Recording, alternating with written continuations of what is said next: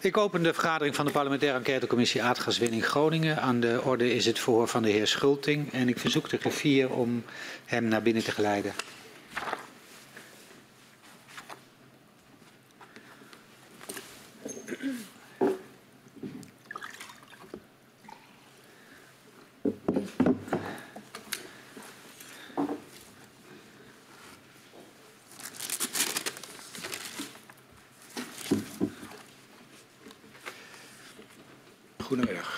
Goedemiddag. Meneer Schulting, welkom bij de parlementaire enquêtecommissie aardgaswinning Groningen. 60 jaar gaswinning heeft Nederland veel gebracht, maar kent zeker voor gedupeerde schaduwkanten. De commissie onderzoekt hoe deze schaduwkanten hebben geleid tot het besluit om de aardgaswinning in Groningen te stoppen. We willen ook weten hoe de besluitvorming op cruciale momenten is verlopen. Hoe private en publieke partijen hebben samengewerkt bij de gaswinning. We onderzoeken de aardbevingen en de ontwikkeling van kennis daarover. De afhandeling van schade veroorzaakt door de bevingen. En het proces van het versterken van gebouwen in Groningen. Uh, u bent zelf uh, arbiter geweest en ook voorzitter van de uh, arbiter bodembeweging. u wordt gehoord als getuige. u heeft aangegeven de belofte te willen afleggen en daarmee de gehele waarheid en niets dan de waarheid te zullen zeggen. En daarom verzoek ik u om even te gaan staan. En mij na te zeggen, dat beloof ik. Dat beloof ik. Dan staat u onder Ede. Mag u weer plaatsnemen. Het uh, voor, verhoor met u wordt afgenomen door mevrouw Van der Graaf en mevrouw Kuik. En mogelijk dat mevrouw Thiele op het eind ook nog enkele vragen aan u heeft. Ja? Dan gaan we van start. Meneer Schulting, u was van mei 2016 tot juli 2020 arbiter aardbevingsschade. Later werd dat de arbiter bodembeweging. Vanaf mei 2018 was u daarvan ook de voorzitter. In dit verhoor willen we het er met u over hebben welke rol de arbiterbodembeweging heeft gespeeld bij de schadeafwikkeling in Groningen.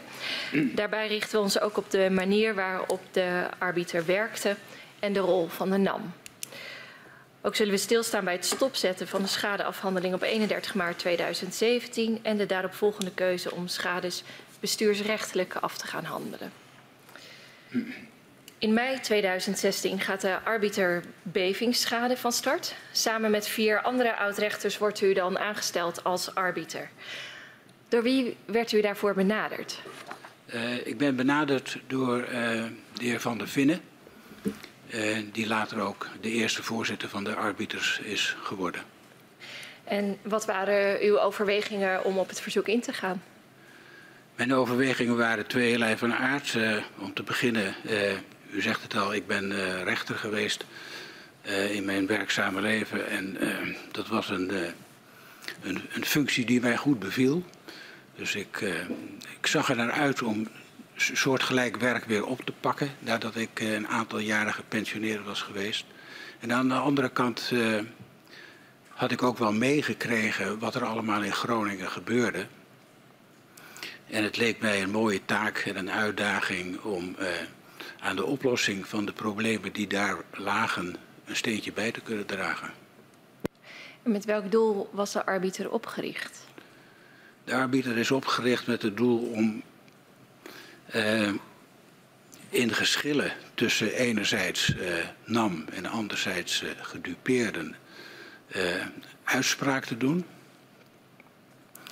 En zelf denk ik, en, en die gedachte die is al heel snel natuurlijk bij mij opgekomen, dat uh, een achterliggende bedoeling uh, zal zijn geweest om uh, te werken aan herstel van vertrouwen. En de arbiter-bodembeweging zou daar wel een rol in kunnen spelen. Waarom was de arbiter nodig? Wat zegt u? Waarom was de arbiter nodig? De arbiter was nodig omdat er uh, heel veel schademeldingen uh, zijn gedaan uh, in die tijd. Ook nu nog, geloof ik. Die kwamen allemaal bij de NAM terecht. In heel veel gevallen leidde dat wel tot een, uh, tot een oplossing. In die zin dat uh, er een afspraak gemaakt kon worden tussen de schademelder en de NAM. Maar in een aantal gevallen lukte dat niet. En uh, die schademelders, die bleven dus met lege handen. namen ook niet, zetten niet de stap naar de rechtbank, dat had gekund. En aldoende uh, bleven er uh, steeds meer en steeds vaker ook onopgeloste zaken liggen. En iedereen vond dat onwenselijk. U zegt er waren veel schades. Een uh, aantal mensen kregen hem vergoed. Uh, maar er bleven ook mensen met lege handen achter van wie het niet werd erkend. Maar dat waren mensen die vervolgens niet de stap naar de rechter ja. zetten. Uh, en daarvoor kwam de arbiter. Wat kon u voor die mensen betekenen? Uh, wij, wij, konden de mensen aanbieden een, een snelle en uh, laagdrempelige procedure. Die geleid werd door onafhankelijke en onpartijdige arbiters. En met name dat laatste, die onafhankelijkheid, dat was nieuw in het hele proces rond de afwikkeling van schade. Ik zei al, voordien werd het gedaan door de NAM zelf. En hoe laagdrempelig uh, was de arbiter, ook als je dat vergelijkt met uh, een stap naar de rechter? Erg laagdrempelig. Uh, er waren om te beginnen geen kosten aan verbonden. het aanmelden gebeurde met een, met een aanmeldformulier. Ik geloof ook dat dat via internet te verkrijgen was. En je had natuurlijk ook geen advocaat nodig als uh, schademelder. Uh, de arbiters uh, op hun beurt waren een beetje vergelijkbaar met wat kantonrechters doen, actief. Dat wil zeggen dat ze niet achteroverleunend aanhoorden wat partijen te zeggen hadden en vervolgens de knoop doorhakten, maar ook actief bezig waren om te zoeken naar uh, de waarheid in een bepaald conflict. En um, u, u, schetste net al, uh, mensen zetten dus niet de stap naar de rechter. Werd daar een hoge drempel ervaren? En hoe hoog is die drempel om de stap naar de rechter te zetten voor een gedupeerde? Ja, de stap naar de rechter uh, die voorziet in, in vele drempels. En uh, daar is ook wel onderzoek naar gedaan. Uh, met name vanuit de Rijksuniversiteit uh, Groningen. Op verzoek van de Raad voor de Rechtspraak is onderzoek gedaan naar een laagdrempelige, snelle procedure eventueel onder te brengen bij de rechtspraak. En in dat verband is natuurlijk ook gekeken naar de drempels die er zijn en hoe die beslecht zouden kunnen worden. Wat merkwaardigerwijs uh, uit dat onderzoek naar voren kwam, is dat uh, ik geloof de meeste uh, mensen als antwoord op die vraag gaven dat ze niet wisten dat het kon. Dat is op zich een, een, een treurige uitkomst natuurlijk in ons land. dat mensen niet weten dat ze met een bepaald geschil met een andere partij naar de rechter kunnen gaan. Daarnaast denk ik dat uh, ja, voor iedereen de, de kosten een, uh, zeker een rol zullen hebben gespeeld. De lange duur van procedures bij de rechtspraak. En niet in de laatste plaats de positie van de tegenstander, de NAM. Een grote, sterke, machtige partij die zich, was denk ik de indruk, zou voorzien van allerlei advocaten. En dat kon de gewone gedupeerde allemaal niet opbrengen. Dus de procedure bij uh, de arbiter was snel, er was geen advocaat nodig, geen kosten, daardoor waren de drempels uh, laag voor mensen. Um, er bestaat ook een, al langer een technische commissie bodembeweging. Ook daar kunnen gedupeerden terecht als ze ontevreden zijn over de schadeafhandeling. Wat was het verschil tussen de arbiter en de technische commissie bodembeweging? Dat durf ik niet te zeggen. Vanaf 2 mei 2016 kunnen mensen zich melden bij de arbiter. Uh, lukt het al direct bij de start om zaken snel en eenvoudig tot een oplossing te brengen? Uh, dat was natuurlijk wel een probleem uh, waar wij tegenaan liepen. Want enerzijds dat snelle en laagdrempelige, eenvoudige, dat sprak ons wel aan. Maar aan de andere kant hadden we wel te maken met een, een weerbarstige en, en moeilijke materie. Dus daar moesten we wel even goed over nadenken hoe we dat zouden kunnen aanpakken. En daarbij uh, werden we geholpen door uh, uh, de komst van het wettelijk bewijsvermoeden. Dat bewijsvermoeden, wettelijk bewijsvermoeden was er nog niet, maar al wel in de maak.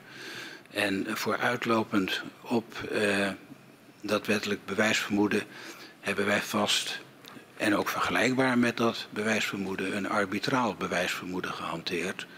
Wat eh, globaal gezegd van dezelfde snit was als het latere wettelijk bewijsvermoeden. En dat vereenvoudigde het werk aanzienlijk. Waren, waren er bij aanvang al zaken of eh, kwamen die later? Er waren eh, wel zaken, maar die werden mondjesmaat aangeleverd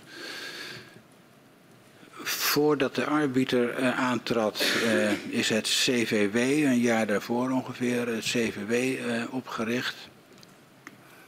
Een organisatie, een uitvoeringsorganisatie voor de afhandeling van de schade voor de NAM. En de schademeldingen die in die tijd gedaan werden, die kwamen terecht bij het CVW. Daar werd de schade ook gemeld. En van het CVW kregen wij in het begin uh, dossiers aangereikt. Uh, dossiers uh, in zaken waarin het in het voorstadium niet gelukt was om tot een vergelijk te komen. En die dus naar de arbiter moesten. Aanvankelijk waren dat er heel weinig. We begrepen dat ook niet goed. na enig aandringen werden dat er wel meer. Bent u daarachter gekomen waarom dat in het begin toch weinig waren? Nee, daar zijn we niet echt achter gekomen, nee. Okay. Uh, misschien was het goed bedoeld om ons even te laten wennen, maar of dat echt zo was, dat weet ik niet. Um, uh, ik ben benieuwd hoe die, hoe die procedure er nou precies uitziet. Kunt u ons meenemen hoe, welke stappen er worden gevolgd in zo'n procedure bij de arbiter? Uh, wel, nadat wij het uh, dossier uh, aangereikt uh, krijgen, ik, ik hoop dat u me niet van mij verlangt dat ik alle administra administratieve stappen. dat hoeft niet. Hier, nee, want dat zou ik ook niet precies weten.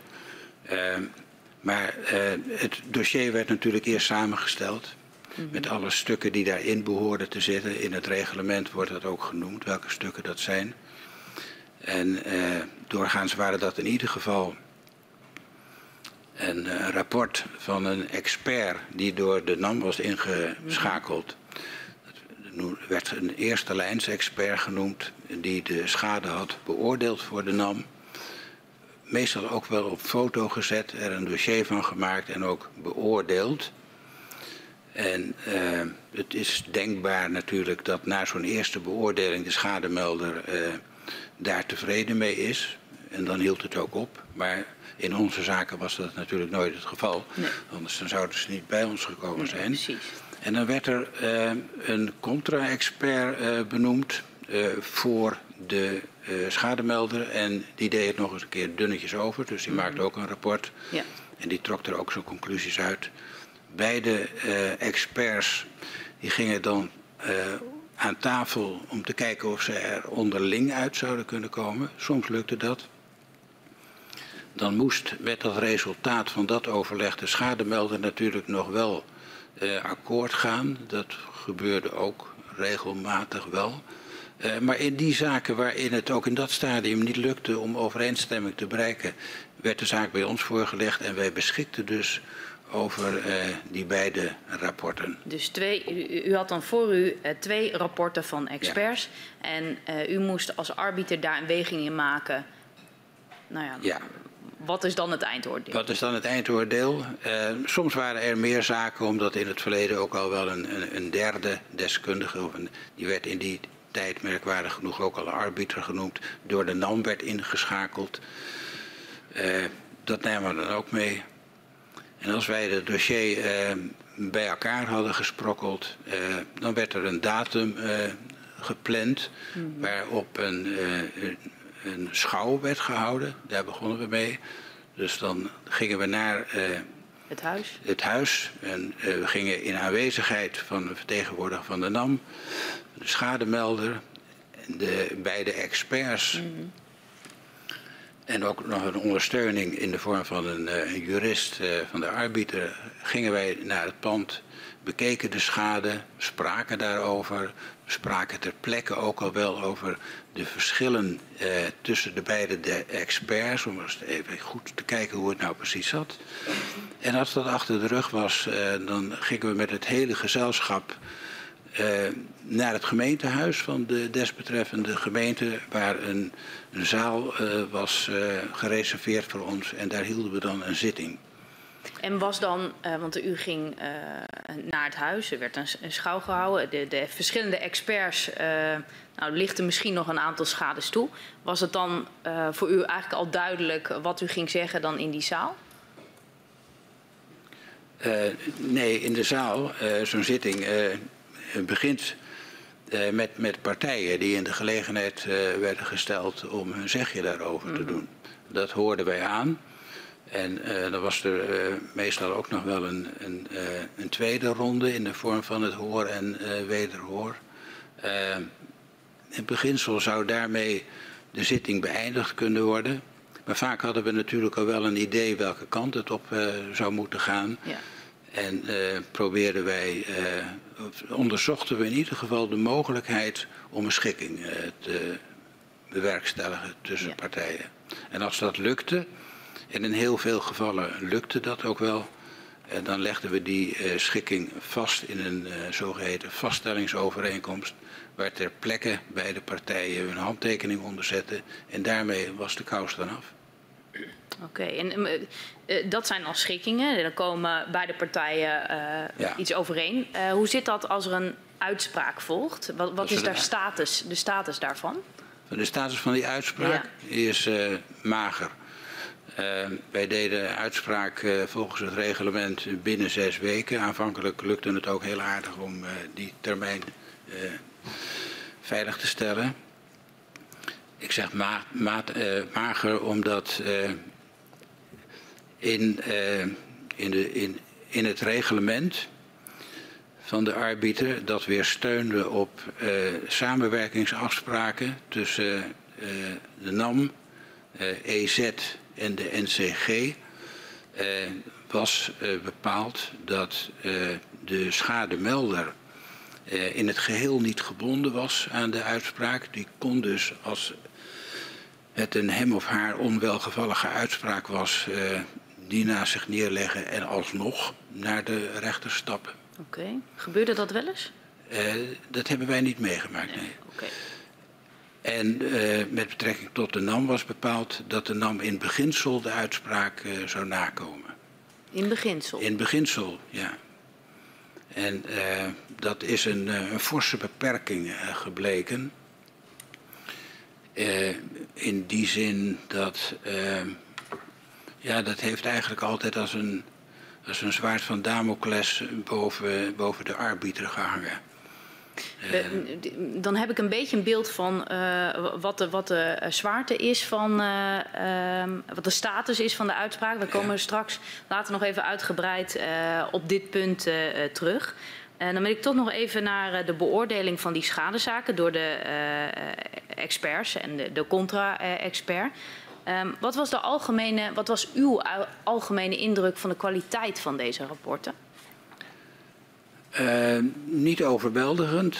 Uh, het, het, waren vaak rapporten waarin. kijk, de problematiek rond de aardbevingsschade die openbaart zich met name daar waar het gaat om het vaststellen van de aan- of afwezigheid van een oorzaak als aardbeving, de eh, vaststellen van de causaliteit tussen de beving en, en de schade. Dat is een heel lastig punt. Dat zult u inmiddels wel begrepen hebben. Waar, en daar uh, branden de experts in dat stadium meestal hun vingers ook niet aan, al hadden ze daar wel een oordeel over. En dat oordeel dat was meestal gebaseerd op uh, aannames met betrekking tot mogelijke andere oorzaken. Is op zich ook niet zo vreemd, denk ik, want die experts die waren natuurlijk niet opgeleid om eh, enige deskundigheid te hebben op het gebied van, eh, van, van, van aardbevingsschade. Maar ze waren mogelijk wel opgeleid daar eh, om eh, ja, eh, de gebruikelijke schadeoorzaken in de bouw, om daar iets van te vinden. Zetting, eh, eh, krimp, eh, et cetera. Ja. En, en zit er dan ook nog eh, voor u een duidelijk verschil eh, in kwaliteit tussen aan de ene kant de expert van de NAM en aan de andere kant eh, de expert die. Ik denk dat in dat stadium dat die van het, eh, uit hetzelfde hout gesneden waren. Ja. Dus daar, eh, eh, dat was niet zo dat dat erg in kwaliteit van Nee, elkaar verschilde. Ehm, we lezen in het rapport Laagdrempelige procedure aardbevingszaken eh, Groningen uit 2018, april, dat het contrast tussen de inbreng van de expert van de NAM en de expert van de bewoner erg groot is. Dat staat dus in dat rapport. Ehm, maar dat was niet de waarneming die, die u had. Ik heb dat ook gelezen, nee, maar ik, ik denk dat daarmee bedoeld is, zo heb ik het in ieder geval geïnterpreteerd, dat eh, de verschillen in eh, bevindingen nogal groot waren. Dat waar de ene expert vond dat het allemaal krimp was, de andere expert met hetzelfde gemak zei van nee, het is allemaal aardbevingsschade. Ja. En dat dat contrast eh, significant was. De, eh, er waren eh, vaak eh, meer verschillen dan overeenkomsten tussen Ja. die beide Ja. experts. Zo Ja. moeten we dat, dat lezen. Ehm, en dat is ook wat u aantrof in de zaken die voor u werden gebracht. Ja, ja. Ja. Met, met die verstanden dat die, die eh, eh, contra-experts, zoals die genoemd werden, de, de experts van de zijde van de, van de schademelders, eh, die, eh, die, die, die brachten eh, wel, eh, die, die, die groeven wel wat dieper dan de experts van, van de NAM in die zin dat de experts van de NAM eigenlijk alleen maar keken wat er boven het maaiveld aan schade aangetroffen werd. Terwijl de contra-experts ook graag bereid waren om te kijken of er misschien toch ook iets aan de fundering eh, mankeerde als gevolg van de aardbeving. Dus die deden eigenlijk een bredere, een, een Ja. bredere schouw dan, dan Ja. de expert van de NAM. En ehm, als we dan kijken naar ehm, eh, wat, wat de partijen inbrengen, eh, was het, was het, ehm, ha- hadden de bewoners een gelijke kans eh, in, in zo'n proces qua expertise die ze eh, konden inbrengen? Dat denk ik wel, ja. Oké. Met de komst van, eh, van die contra-expert. Er is natuurlijk ook een hele lange fase aan vooraf gegaan zonder contra-expert. Ja. Toen lag het anders. Oké. Bij de arbiters zijn een kleine 3000 zaken aangemeld, eh, leert eh, de Kamerbrief van minister Wiebes in maart 2020. Eh, volgens een overzicht van de Nationaal Coördinator Groningen was daarbij tot en met 2018 in 62,6 procent, heel precies, sprake van een schikking voordat de arbiter inhoudelijk naar de zaak keek. Wat vond u ervan dat er in eh, zoveel gevallen eh, vooraf geschikt werd? Dus voordat het u Ja, dat is kon ver- kijken. verrassend. Kunt u nog even de datum noemen? Eh, Ja, wij halen uit de, de halfjaarrapportage van de Nationaal Coördinator, juli tot en met december 2018, eh, een staartje eh, met gegevens over de arbiter en over het aantal binnengekomen zaken, afgeronde zaken, eh, zaken die niet ontvankelijk zijn, maar eh, zaken waarin de uitspraak wordt gedaan. Maar we lezen daarin ook dat er zaken zijn waar een schikking vooraf Ja. aan de orde is. En dat is een significant aandeel in ruim, twee, ja, ruim 60 procent, 62,6 procent van de gevallen. En dat ja, leidt bij ons tot de vraag eh, wat u daarvan vond. Dat voordat eh, die zaak dan bij de arbiter kwam, er vooraf al een schikking wordt getroffen.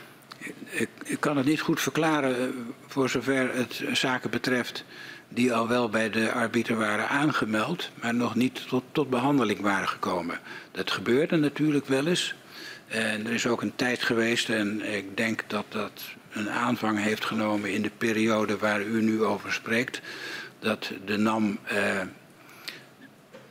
schademelders die de zaak bij de arbiter hadden aangebracht nog eens nabelden om te kijken of er niet een, uh, een schikking te treffen uh, viel. En dat is ook wel gebeurd, maar niet in de mate die u noemt. Dat uh, herken ik helemaal niet. Maar gelet op de periode zou er mee bedoeld kunnen zijn. Dit was wel ook bij de periode waarin de NAM ehm, uh, in de zogenaamde oude uh, schades uh, een aanbod heeft gedaan. Dat hield verband met de komst, met het stopzetten van het protocol waar de arbiter onder viel en de komst van de TCMG. En dan was er nog een, een, groep oude schades, daar moest ook iets mee gebeuren. En dat waren er ruim 6000 en in al die schades uh, heeft er nou een aanbod gedaan. En dat is ook uh, in, een, in, een, groot aantal zaken heeft dat tot een schikking geleid. Dus mogelijk is dat bedoeld. Mogelijk is dat bedoeld. Wist u ook wat de inhoud van die schikkingen? Van die schikkingen niet, nee. nee die kende u niet? Nee, nee. Nee, want die, die zaken die kwamen verder niet bij ons. Zou het kunnen zijn dat hiermee schikkingen worden bedoeld uh, voorafgaand aan de uitspraak van de arbiter? Dat zou kunnen zijn, maar zo las u het niet voor. Goed. Van de zeven... En als, als, als dat de bedoeling is, ja, dan zou je wel in de buurt van die 62% kunnen komen. Want er werden vrij veel zaken geschikt. Ja. Maar dat heb ik niet opgemerkt uit uw uh, woorden. Oké. Okay. Um, even op dat spoor dan verder. Um, wat was er dan de reden van dat er in zoveel gevallen een schikking kwam?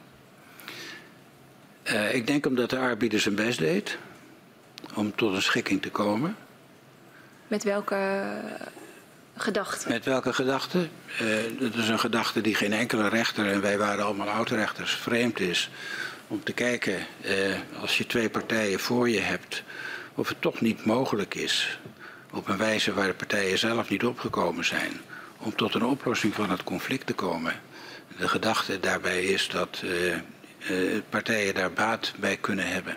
Dan wordt de procedure beëindigd.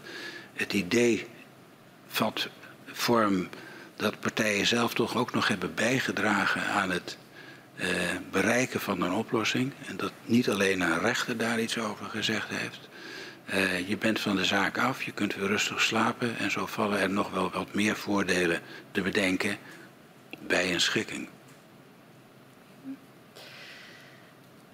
Uh, we zien uh, dat van de 751 zaken die tot en met 2018 wel inhoudelijk werden behandeld, het in ongeveer 53% van die zaken tot een uitspraak komt.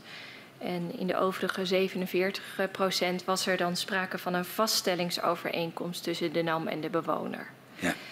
Wat was de rol van de arbiter bij de totstandkoming van die vaststellingsovereenkomst? Die vaststellingsovereenkomst die, uh, kwam vaak tot stand uh, op de zitting. Ik heb u al uh, verteld dat we op de zitting ook probeerden om uh, een schikking uh, te bewerkstelligen. En als dat lukte, dan legden we het resultaat daarvan vast ter plekke in een vaststellingsovereenkomst. En wat, wat staat er dan in die vaststellingsovereenkomst? In die vaststellingsovereenkomst stond dat. er werd de schade genoemd die het betrof. En die daarmee dus ook afgewikkeld zou zijn. Daarmee bij werd teruggegrepen op de, op de rapporten van de experts. Er zijn die schades allemaal genoemd en genummerd. En er werd ook gezegd uh, welk schadebedrag natuurlijk daaraan gekoppeld werd. Uh, en uh, in het, merendeel, het grote merendeel van de gevallen werd er ook aangegeven dat de NAM aansprakelijkheid erkende voor die schades. Dat werd daar dan in opgenomen? In de vaststellingsovereenkomst werd dat opgenomen. Dat was ook niet onbelangrijk. omdat dat een voorwaarde was om in aanmerking te komen, uh, kunnen komen voor de zogeheten waardevermeerderingsregeling. Dan moest je tenminste 1000 euro erkende schade hebben. En dan kwam je in aanmerking voor vergoeding van duurzaamheidsmaatregelen aan het huis tot een waarde van 4000 euro. In hoeverre stuurden de arbiters aan om te komen tot zo'n vaststellingsovereenkomst? Daar waren wij actief in. We proberen het altijd eigenlijk om uh, te kijken of het tot een schikking kon komen.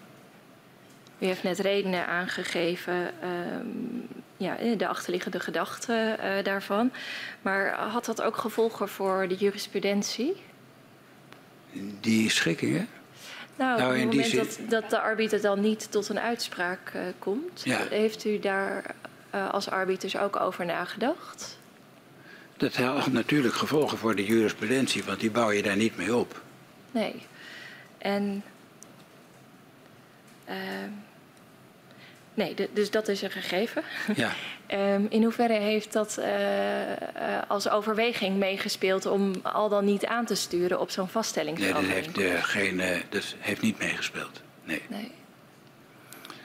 Wij, wij, zitten daar niet om jurisprudentie te maken, maar we zitten daar om geschillen uh, op te lossen. En dat deden we onder andere door te kijken of er een schikking getroffen kon worden.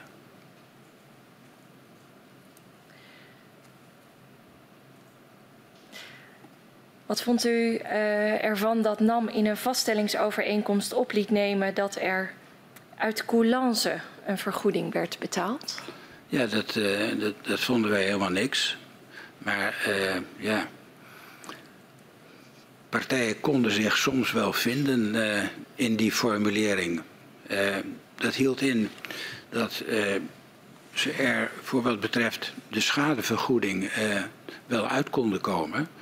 Maar de NAM het niet over zijn lippen kon krijgen om de schade te erkennen als aardbevingsschade. En dat is wat veel gedupeerden juist wel wilden. Maar het is wel voorgekomen dat de NAM voet bij stuk hield en dat niet deed. En dat de schademelder dan zei van nou oké, doe dan maar uit coulance. Hij had ook kunnen zeggen nou dan komen we er niet uit. En dan was er geen vaststellingsovereenkomst gekomen. En dan had de arbiter uitspraak moeten doen. In een geval uh, daarbij de, de aansprakelijkheid van de NAM zou zijn vastgesteld. Ja, dan had de schademelder meer gekregen dan die coulance regeling in de vaststellingsovereenkomst. Maar dat is toch te herleiden tot een keuze van onder meer de, de om toch maar akkoord te gaan met zo'n regeling. Was de gedupeerde in staat om die inschatting te kunnen maken? Ja, ja, ja. En als hij dat niet was, dan vertelden wij hem dat wel. Ik zei u al, we waren actief als arbiter en uh, we werden ook geacht en deden dat ook op, op dit soort aspecten te letten. Ja. In de gaten te houden. En als wij, het is ook niet zo, u moet het niet zo zien dat de arbiter uh, koet, koet uit was op het uh, treffen van een schikking. We probeerden dat vanuit de overtuiging dat dat in veel omstandigheden uh, een goede oplossing kan zijn. Maar als de schademelder aangaf dat hij dat niet wilde, dan probeerden we hem dat niet door de strot te duwen. Ja. Dan deden we het niet. Is het wel eens voorgekomen dat een gedupeerde uh, akkoord was gegaan met een schikking waarbij die, die waarbij de NAM dus de aansprakelijkheid niet erkende, maar zei uit coulance uh, betalen we. Maar uh, dat de arbiter dacht, nee, het was beter. Of laat ik het zo zeggen, heeft de arbiter altijd ingegrepen op het moment dat de uitspraak tot een beter resultaat voor de gedupeerde zou leiden? Om dan toch over te gaan tot een uitspraak? Het is een vrij subtiel spel wat zich afspeelt tijdens zo'n zitting. Kunt u daar ons en, in meenemen? Ik, ik, wil het proberen. Uh, de arbiter is in de eerste plaats een, een onpartijdig uh, orgaan. Dus daar moeten we wel rekening mee houden. Het zijn twee partijen En uh, het is niet zo dat de arbiter kiest voor één partij. Uh, de arbiter gaat wel ver in de voorlichting en uh, zal ook zeker in het geval van zo'n vaststellingsovereenkomst waar geen aansprakelijkheid wordt erkend, de schademelder daarop wijzen. En ook de consequenties daarvan, bijvoorbeeld het niet in aanmerking komen voor die waardevermeerderingsregeling.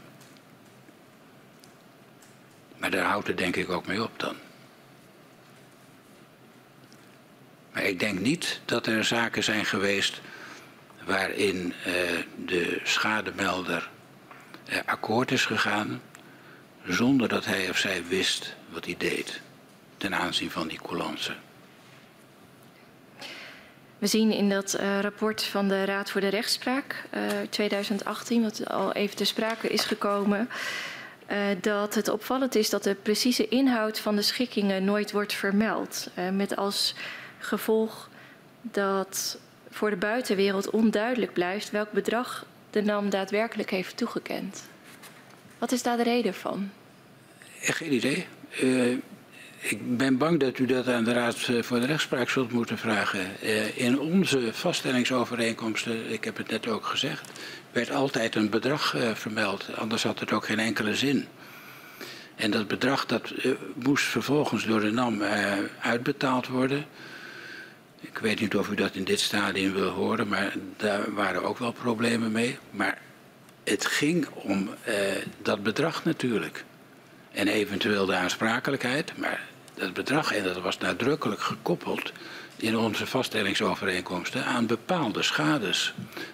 Er waren ook wel schades die niet uh, door de NAM uh, erkend werden en die bleven dan ook buiten zo'n vaststellingsovereenkomst. Tijdens de openbare verhoren hebben de heer Nijhoff en ook mevrouw Heijten allebei verteld hoe zij aankeken tegen de onmogelijke keuze voor gedupeerden om uh, te kiezen tussen doorprocederen om hun gelijk te krijgen en het instemmen met een schikking om door te kunnen gaan met hun leven. Hoe kijkt u daar tegenaan? Nou, daar kan ik me heel veel bij voorstellen. Uh, zeker de personen die u noemt, uh, ja, die, die zijn een groot deel van hun leven bezig geweest met met de aardbevingsschade. En eh, die hebben daar denk ik ook flink over geprocedeerd. En ja, procederen kost niet alleen veel tijd, maar ook heel veel energie. Veel nachtrust. Het kan je gezondheid schaden. Dat is geen pleziertje. Vandaar ook die laagdrempelige, snelle procedure, zoals die bij ons bedoeld was. Om dat te voorkomen ook. Ja. U, u, noemde het al even in het begin. Uh, de arbiters zijn dan ook de eerste die gaan werken met het wettelijk uh, bewijsvermoeden. Uh, waarbij bewoners dus niet hoeven te bewijzen dat de schade uh, die ze hebben gerelateerd is aan, aan, aan gaswinning. Um, maar de NAM moet aannemelijk maken dat dat niet het geval is. Op welke manier gebruikten de arbiters um, het wettelijk bewijsvermoeden? Wel, uh, wij, wij, toetsten alle schades aan uh, dat wettelijk bewijsvermoeden. Keken of het wettelijk bewijsvermoeden van toepassing was op die schades. En uh, dat was in heel veel gevallen het geval. Hmm. En wij hanteerden daarbij ook geen grens of contour of effect, hoe u het noemen wilt vanuit de gedachte dat uh, de stand van de wetenschap op dat moment eh, waarop wij werkzaam waren nog niet zo ver was om in redelijkheid een, een grens voor het bereik van een, uh, een trilling veroorzaakt door een beving uh, te kunnen vaststellen. We deden dat niet. En uh, ja, een beetje teruggrijpend op de, op de Kamerstukken, de parlementaire geschiedenis rond het wettelijk bewijsvermoeden, vonden wij het gerechtvaardigd om dat bewijsvermoeden in ieder geval te laten gelden in de gehele provincie Groningen. Tenminste zeiden we daarbij. Tenminste. Zodat we ook nog de mogelijkheid open hielden om over de grens uh, iets te, te, doen. Ja. Um, kwam dat vaak voor? Dat dat over de grens... Uh... Nee, dat kwam niet vaak voor. Uh, wel op het eind. toen zijn er ook zaken in Drenthe behandeld. Mm -hmm. dat had twee, er waren twee aanleidingen voor.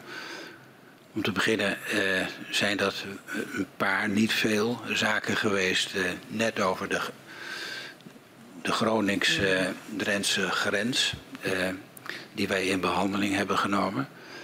en later heeft NAM zelf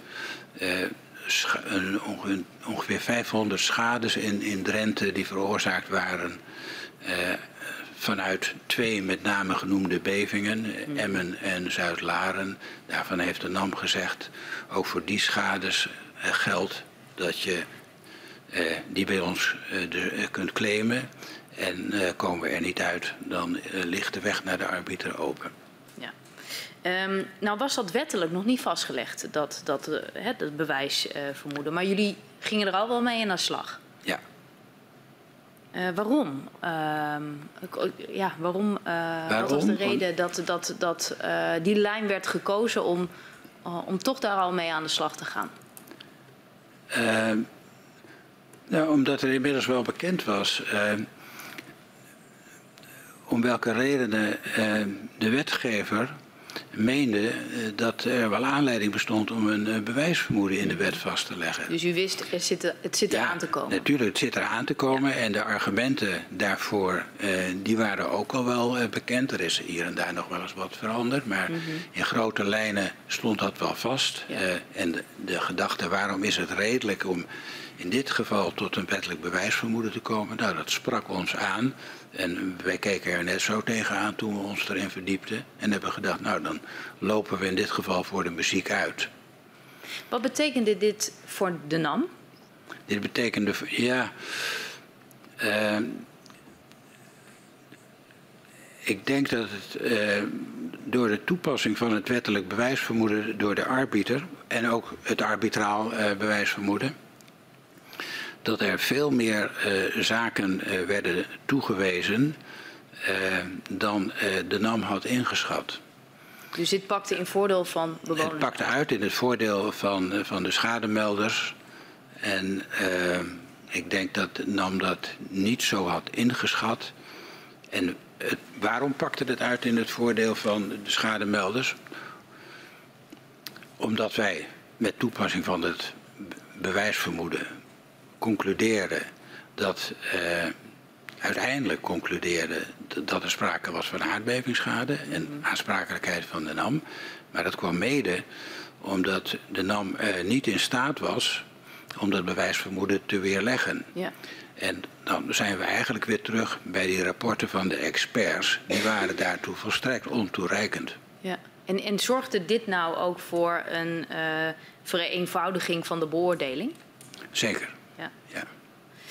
Um, nou wil ik eigenlijk even uh, um, u meenemen in, in een uh, uh, ander verhoor. Minister Jorritsma um, die is bij de totstandkoming van de mijnbouwwet een tegenstander van het invoeren van de omkering van de bewijslast. En ik ga even een citaat voorlezen en dan ben ik benieuwd wat u van deze stelling vindt. Zij zegt, ik was daar tegen omdat ik helemaal niet geloofde dat de positie van de burger daar beter van werd. Diegenen bij wie ze terecht moesten komen waren bedrijven met hele diepe zakken. Dan weet ik echt zeker dat elke schadeclaim bij de rechter terecht kwam. Nou, in de praktijk is, uh, is dat niet gebleken. Nee. Uh, al moet ik daaraan toevoegen dat in een later stadium laten we zeggen uh, eind 2019 uh, en 2020, uh, er wel veel procedures waren waarin NAM en ook de gedupeerden tot het gaatje gingen.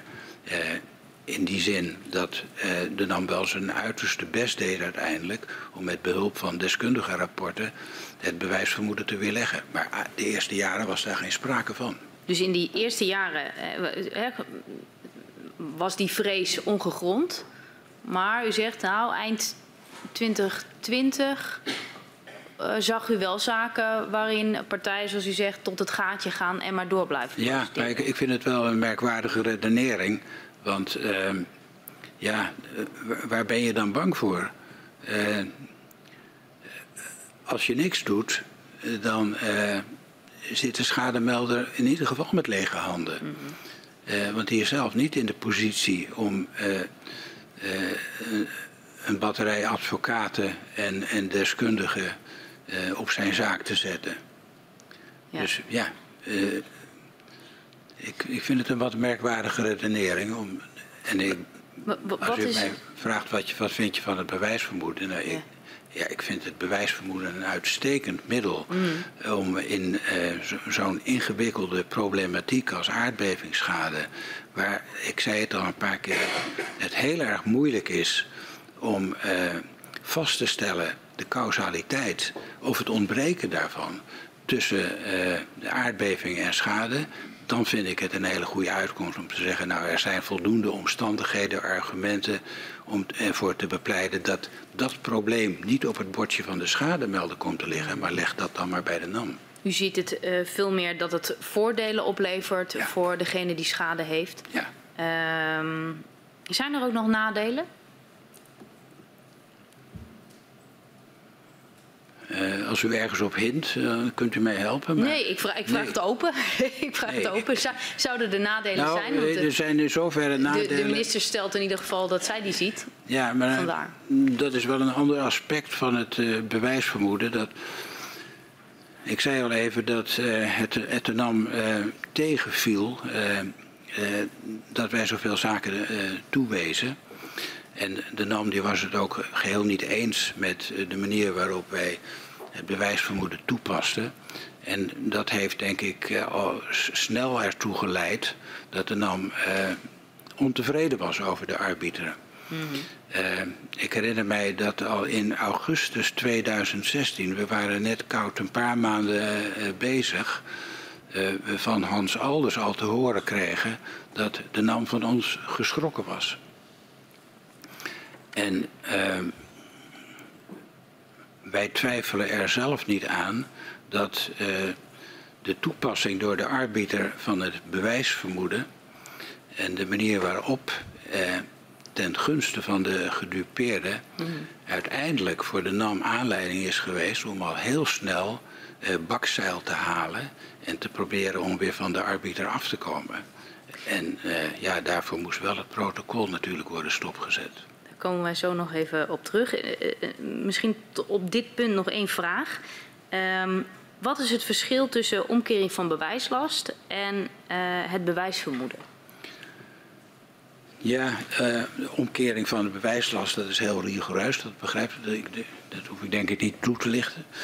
En uh, omkering van de, van, of het wettelijk bewijsvermoeden dat is eigenlijk een, een, een, vorm van wat wel genoemd wordt verlichting van de bewijslast. Mm. Het wordt wat makkelijker gemaakt. Maar eh, als je de kamerstukken er goed op naleest, eh, dan eh, kun je daaruit opmaken dat eh, in de, bij, bij, de behandeling van het, van het wetsontwerp steeds gesproken werd, ik denk zowel door de minister als ook door Kamerleden, laten we zeggen door de wetgever, over eh, omkering van de bewijslast. In dit geval zat het heel dicht op elkaar. En misschien was er wel geen licht tussen het een en het ander. Dank.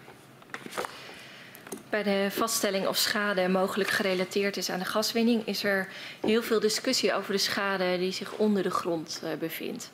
De funderingsschade, scheefstand, verzakkingen. De heer Meijborg heeft daar uh, vanmiddag in het openbaar verhoor ook het een en ander over gezegd. Uh, vanaf welk moment kregen de arbiters met verzakkingen te maken? Ja. En scheefstand? Wij hebben dat niet zo bijgehouden. Ik, ik moet een klein beetje proberen te bedenken wat, wat mij uh, redelijk lijkt wat gebeurd is. En dan denk ik dat er uh, zeker in het begin ook wel verzakkingen op ons bureau terecht zijn gekomen. Maar daar deden we niks mee. En als u mij nou zou vragen of ik ergens spijt van heb, dan zou dat misschien een, een, een reden kunnen zijn. wij hadden daar eerder iets wel mee moeten doen. En ik denk dat het met name aan de inbreng van de contra-experts en ook de gedupeerden zelf natuurlijk te danken is dat uiteindelijk uh, die verzakkingen uh, uh, goed onder de aandacht zijn gebracht en gekomen van de, van de arbiter. En waarom gebeurde er niks mee? Ik, dat heeft denk ik te maken met de, de aanpak van de NAM van de schade. Met name ook in het pre-arbiter tijdperk. De NAM die keek niet onder de grond. Die keek alleen maar boven de grond. En uh, dat mag erg merkwaardig heten. Uh, een trilling komt uit de grond. Ik ben geen deskundige op dit gebied hoor, maar een trilling komt uit de grond. Dus ja, als die in staat is om uh, schade in, in de muur aan te richten, waarom zou die dan geen schade in, in de fundering kunnen aanrichten? En waarom zou dat dan niet tot verzakking kunnen leiden? Dus het is een wat merkwaardige opvatting in mijn uh, visie, uh, maar die deed wel opgeld in die tijd. En daar zijn wij enige tijd ook wel in meegegaan. En dat is achteraf jammer. Maar uiteindelijk hebben we het, het roer omgegooid. En hebben we besloten, daar moeten we wat mee doen. En op welk moment in de tijd is dat? Dat is denk ik uh, in, goed in 2018 gebeurd. 2018. Um, waarop baseerde de NAM de stelling dat alleen bovengrondse schade voor vergoeding in de aanmerking zou komen? Geen idee. Geen idee. Uh, het, misschien kunt u aan de, aan de NAM vragen. Wat je daarover kunt bedenken is uh, dat uh, schade in de ondergrond, in, in de fundering, uh, die loopt doorgaans behoorlijk in de papieren. Als je die wil vergoeden. Dus er is ook wel enig belang bij geweest om die schade niet mee te nemen, over het hoofd te zien, uit te sluiten, hoe je het noemen wilt.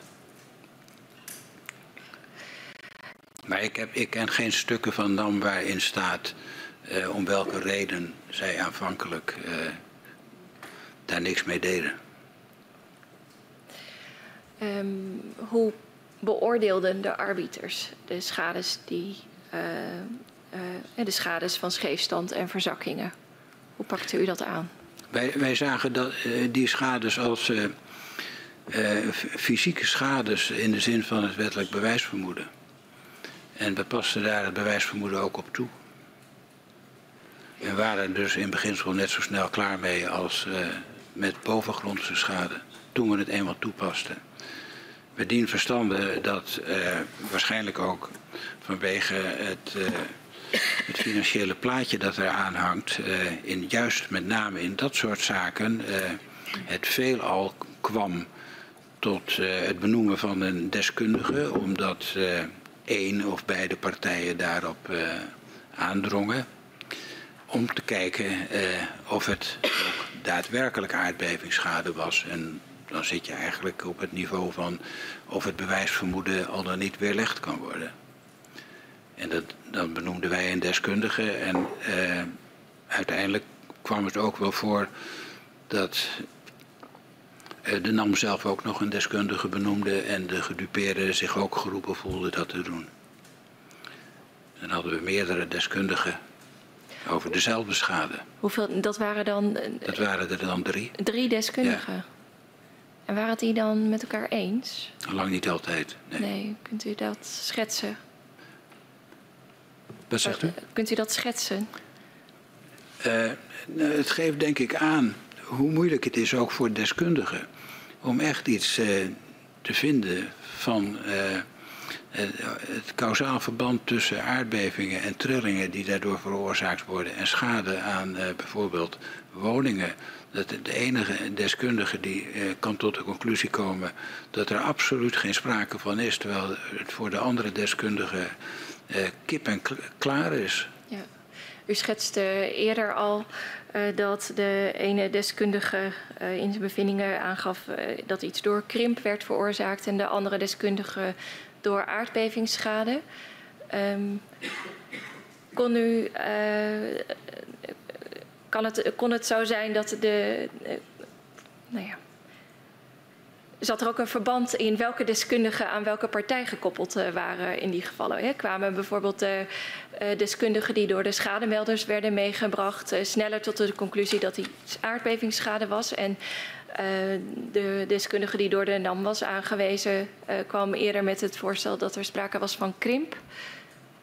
Of ga ik dan te kort door de bocht? Het is kort door de bocht, maar ik kan het niet ontkennen. Dit is wat u zag. Ja. Nee, zo, zo was het ook. Zo was het. Zo was het heel vaak, ja. Het patroon wat zich aftekende tussen de experts en de contra-experts, dat zette zich vaak voort eh, bij de deskundigen. Ja.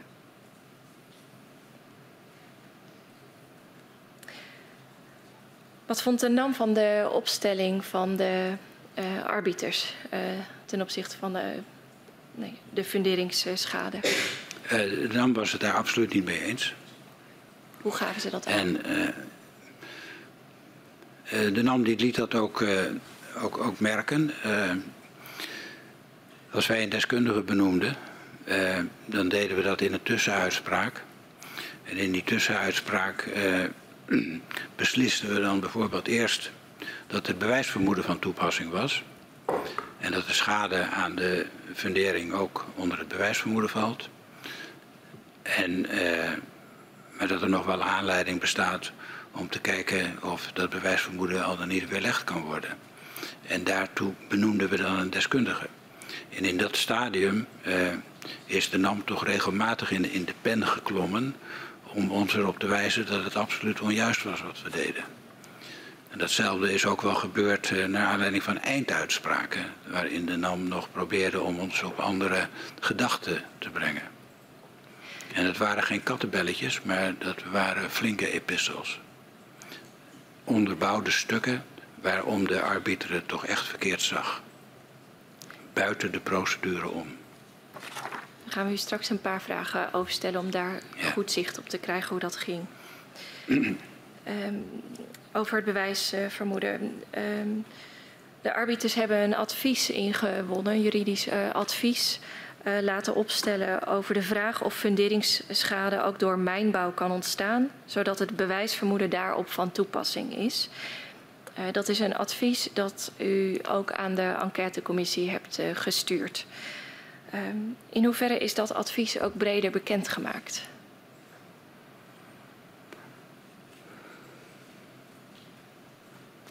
Niet dat ik weet. Dat advies heeft u. Misschien is het goed als u kort aangeeft wat de inhoud van dat advies uh, betrof.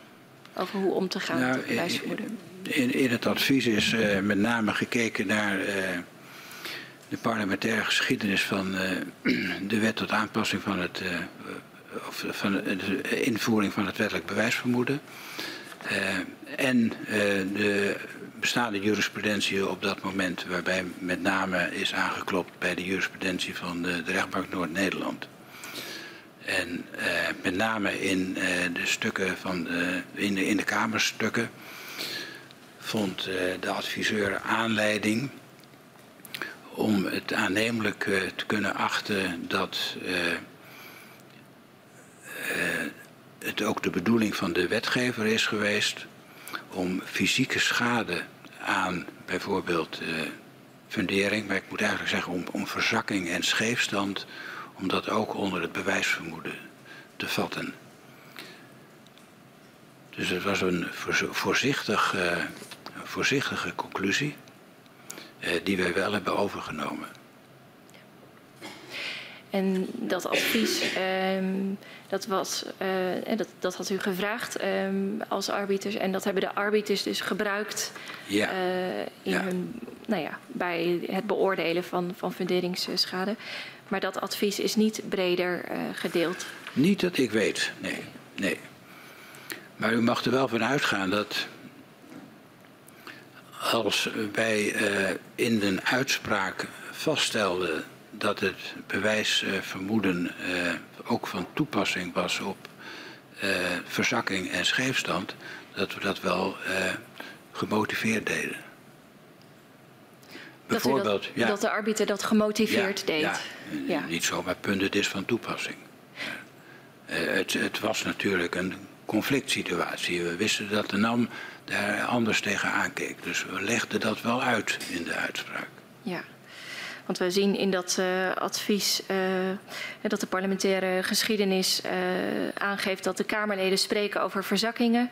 En de minister gaat daar niet tegen in. Ja. En dan is de conclusie, ik kan me daarom voorstellen dat het begrip fysieke schade in artikel 6, 177a van het burgerlijk wetboek ook een verzakking van een gebouw omvat. Ja, ja. ja. Was de tijdelijke commissie Mijnbouwschade Groningen van dit advies op de hoogte? Ik, ik durf het niet te beamen, maar ook niet te ontkennen. Het zou best kunnen zijn dat ik dat heb gedeeld met, uh, met het TCMG, maar zeker weten doe ik dat niet. En uh, ja, nou ja, het, TCMG had in, in die tijd al wel, uh, nou de gewoonte is een groot woord, maar die had in, in die tijd al wel voor het uh, duidelijkheid scheppen in, in moeilijke kwesties al wel een, een panel benoemd. Uh, uh, bijvoorbeeld het, het panel dat aan de TCMG advies heeft gegeven over de toepassing van het wettelijk bewijsvermoeden. Oké. Okay. Dus, um, ik, ik, ik, ik wilde even uh, doorgaan op het punt de verhouding met de NAM. Uh, de arbiter komt voort uit afspraken met uh, de Nationaal Coördinator, met de NAM en met economische zaken. Ehm, u gaf al bij een aantal punten aan dat die ehm, nou, verhouding soms op, op gespannen voet staat. ik wil toch even beginnen met ehm, de afspraak dat NAM in beginsel zich houdt aan de afspraken van de arbiter. Of die in beginsel opvolgt. Hoe werkte dat nou in de praktijk? Uh, wij werden al heel snel mee geconfronteerd. Uh, en heel snel, dan moet u zo denken, uh, omstreeks september 2016. dat in bijvoorbeeld het. Wij, wij hadden regelmatig overleg over uh, organisatorische zaken. Uh, alle zaken die, die wij behandelden, die moesten NAM ook behandelen. Dus er moest wel enige afstemming over zijn. Vakantiedagen, mm. tijdstippen, plaatsen, locaties, et cetera. En er waren waarschijnlijk nog wel wat meer van dat soort onderwerpen. Dus we hadden met enige regelmaat overleg. In het begin met het CVW en later met, het, met, met de NAM zelf. En het, bij een van die overleggen, uh, zo omstreeks september al wel, denk ik, van 2016.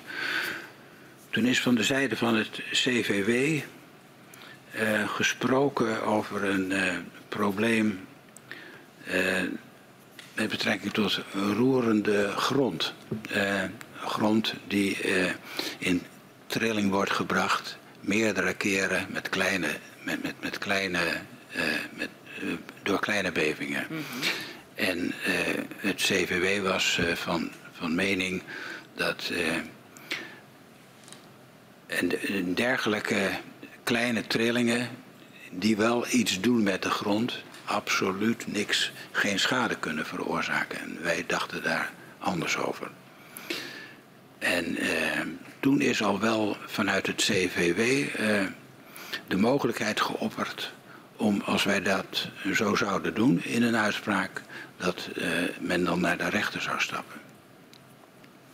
En later heeft. Uh, dus uh, als ik het goed begrijp, aan de voorkant wilde dan de directeur van het CVW? Of nee, was niet de directeur. Een jurist, hoe moet ik dat... Een, een, jurist, Een jurist van het CVW wilde aan de voorkant eigenlijk al een kader meegeven. Aan zo willen we het hebben en anders dan gaan we naar de rechter. Ja. ja. En, Wat deed u daarmee? Ja, dat, dat patroon her- heeft zich later eh, en naar het eind toe steeds vaker herhaald eh, vanuit de NAM. Dat er gewaarschuwd werd van eh, pas op, eh, we gaan naar de rechter. Of eh, we gaan naar de rechter, we zullen je uitspraak eh, niet uitvoeren. Nee. Uiteindelijk is dat maar één keer eh, ook daadwerkelijk gebeurd. En dat is een zaak waarin overigens tussen NAM en de schademelder toen wel eh, een afspraak is gemaakt, een overeenkomst is eh, bereikt die financieel op hetzelfde neerkwam als de door de arbiter eh, toegekende schadevergoeding.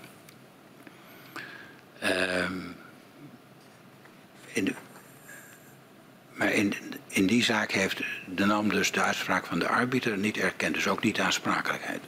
Nee. Eh, maar er is wel vaak mee gedreigd. En eh, wij hebben dat toch altijd wel eh, ja, als zeer er- bezwaarlijk ervaren. Eh, Kan ik het een poging tot beïnvloeding noemen? dat kunt u zo noemen, ja? Ja.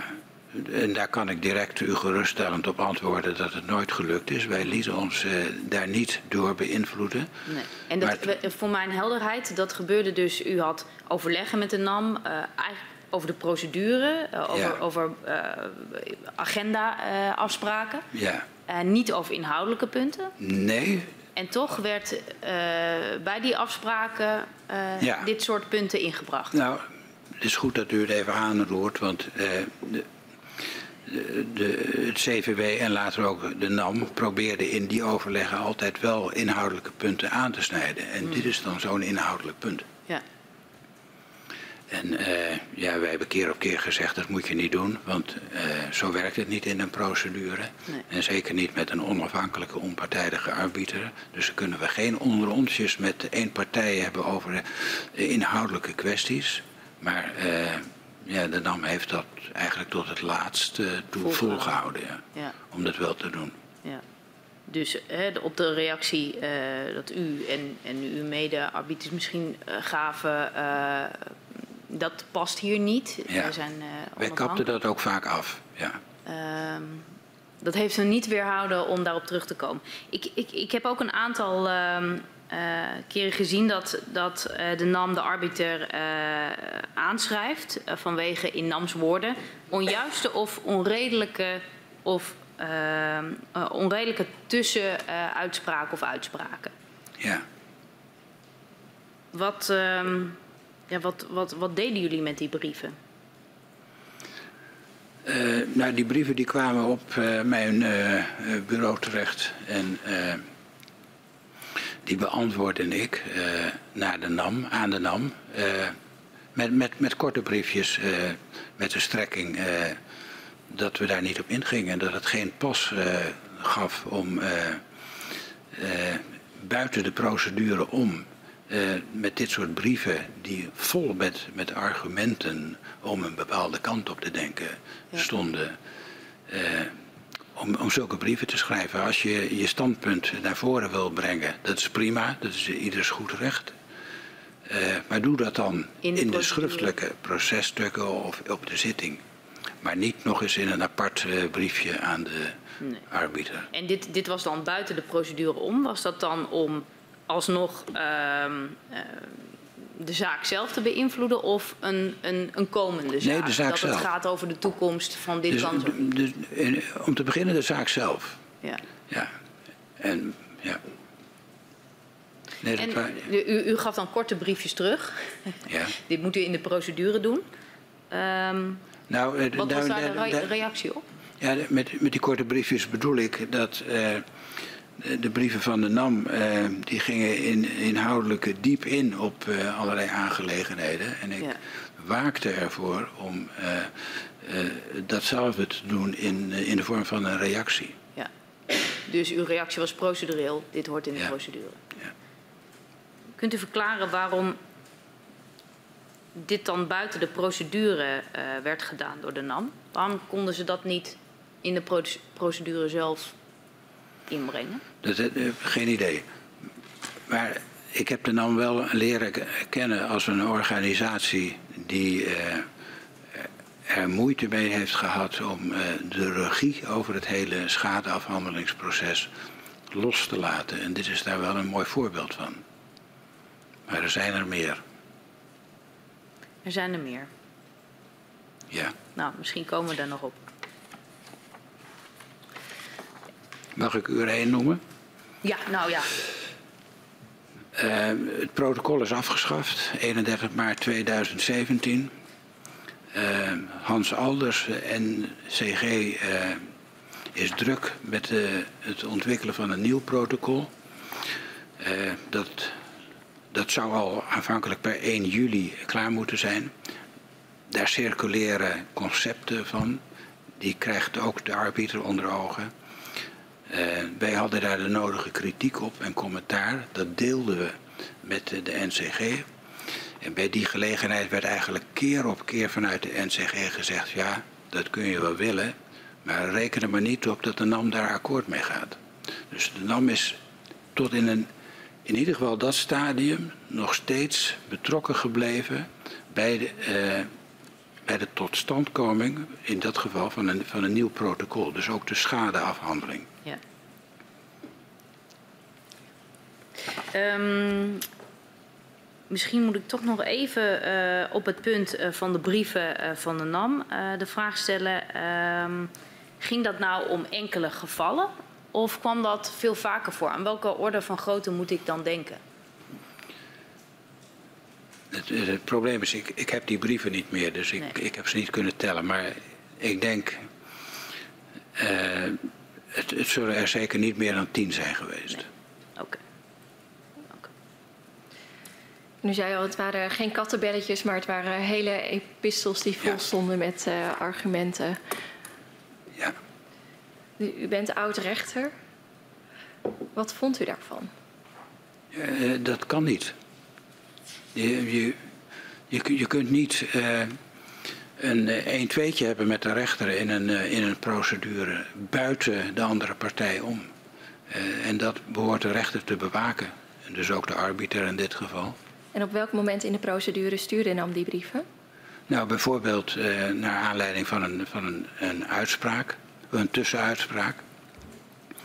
En ik denk dat het ook wel voorgekomen is dat we op, op, op een zitting al aangaven uh, wat, wat de verdere route zou worden.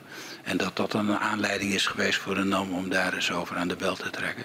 Maar wat ik zei ook, is ook wel gebeurd uh, na een einduitspraak. Dus dat is eigenlijk buiten de procedure om. Dus dat, dat, dat aspect dat speelde dan geen rol meer. Maar er werd wel druk op gezet uh, door de NAM. Vanuit de afhankelijkheid van de arbiter van de NAM door die woorden in beginsel. En wat, beoogde de NAM dan nog op zo'n moment als het na een uitspraak, na een einduitspraak werd gestuurd?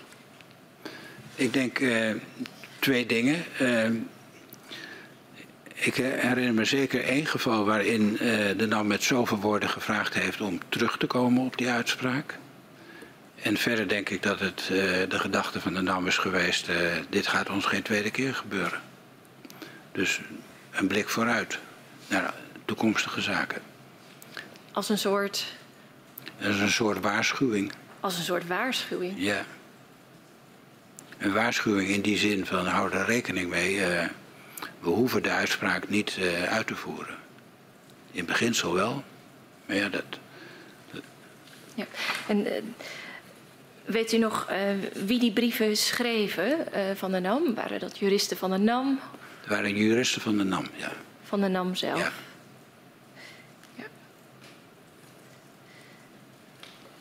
Uh, dit, dit, constateert u als arbiters dat dit gebeurt. Bij wie kaart u dat aan? Uh, bij de NAM zelf, in het overleg dat we met de NAM hebben. Op welk gehad. niveau heeft u overleg met de NAM? Wat zegt u? Op welk niveau heeft u dan overleg uh, met de NAM? Met, met, met de, de, juristen van de, de afdeling arbitrage, zo werd het genoemd geloof ik. Dat is de afdeling die die dan uh, vertegenwoordigt uh, in de procedures. Daar spraken we mee. Daar maar niet op directieniveau. Het is niet bij de directeur aangekaart. Nee. nee. Heeft u uh, een naam van uh, degene met wie u dan sprak bij de afdeling Ja, ik, ik, weet niet precies wat zijn functie was, maar dat was de heer Bauma. Jacques Bauma. En wat was dan de reactie, uh, of, of wat, wat gaf u dan aan bij de NAM? dat het geen pas gaf om op die manier de arbiter ervan uh, proberen te overtuigen dat hij het anders moest doen. En wat was de reactie daarop? Uh, daar kwam dan niet weer een schriftelijke reactie op, maar nee. Hooguit een opmerking in een volgend overleg.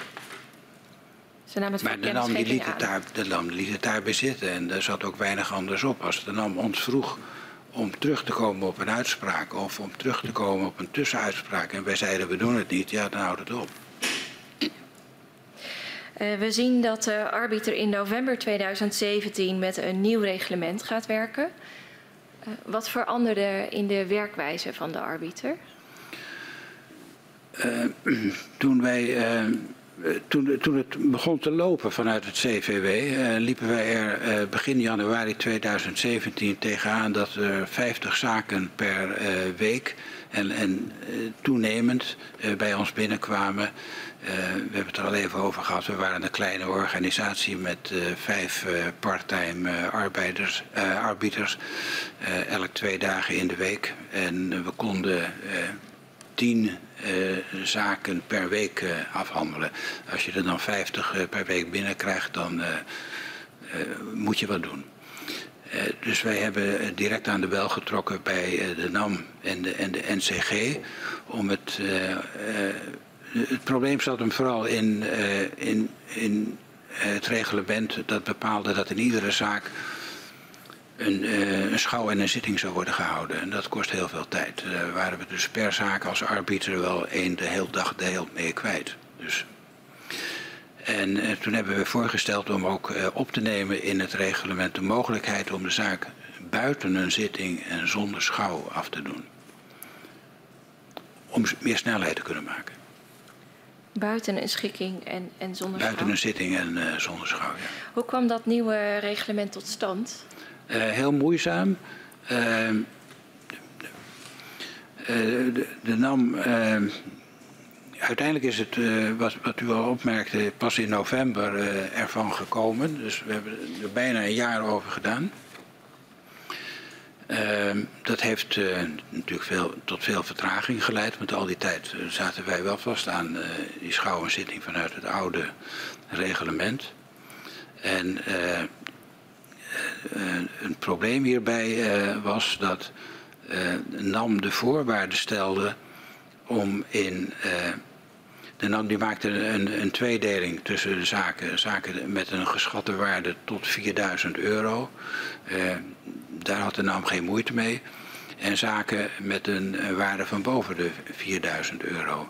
En daarvan vond de NAM eh, dat eh, de arbiter in, in al dat soort zaken verplicht een eh, deskundige zou moeten benoemen. En dan bij voorkeur ook nog een deskundige die voorkwam op de,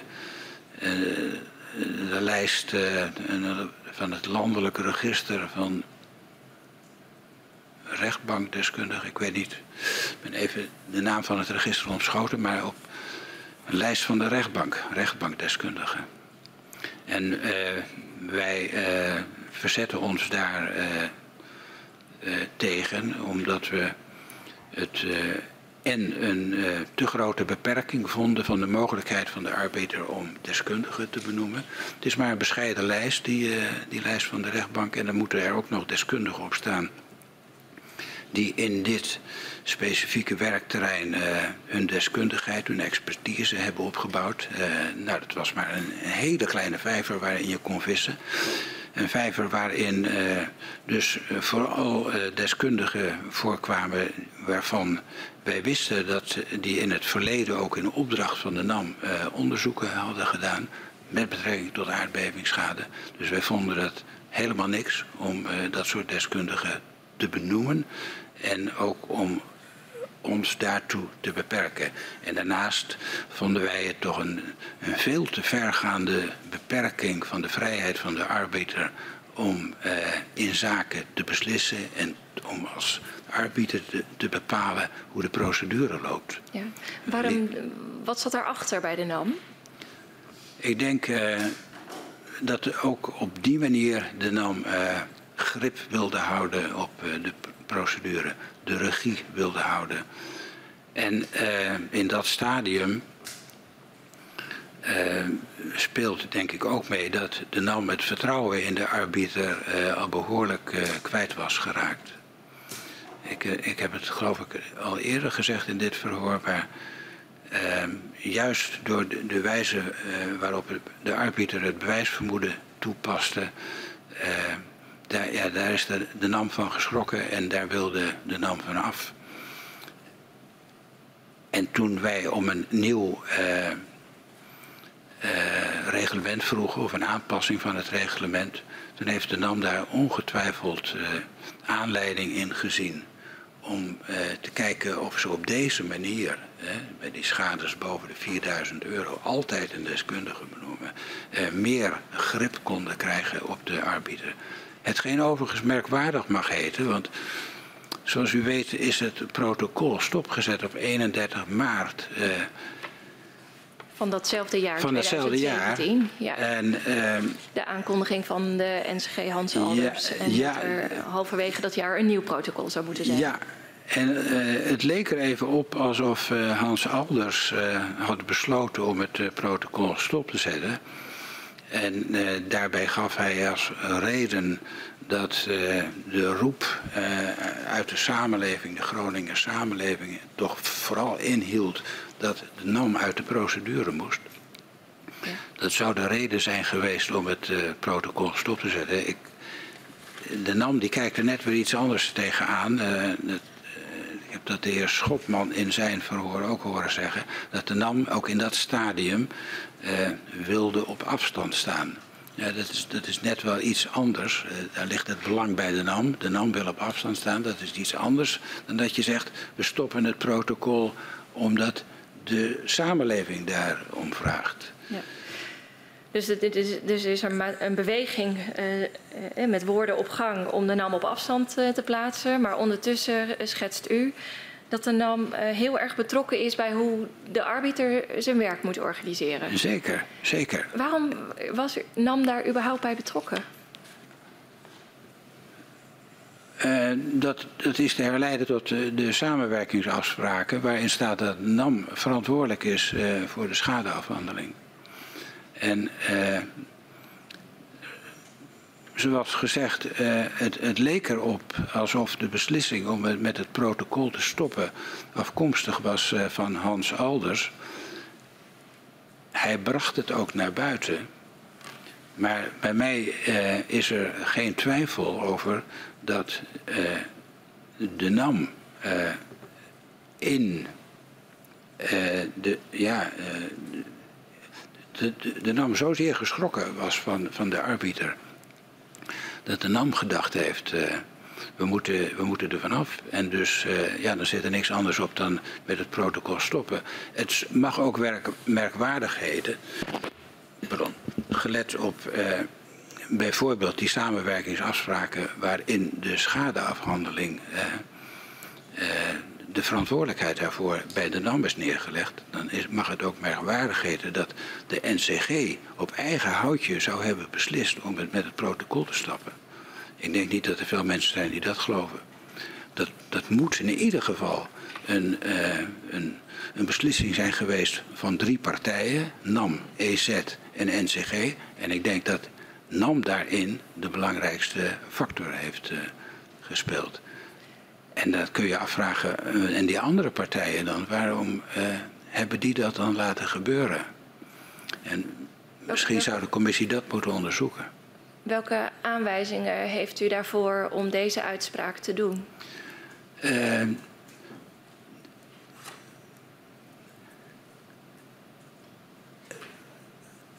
vaak is 1 en 1 2, en in dit geval ook. dat moet u uitleggen. Ja, dat begrijp ik. maar we hebben het al een paar keer over gehad. Uh, dat, de, dat de NAM geschrokken was uh, van de arbiter. En uh,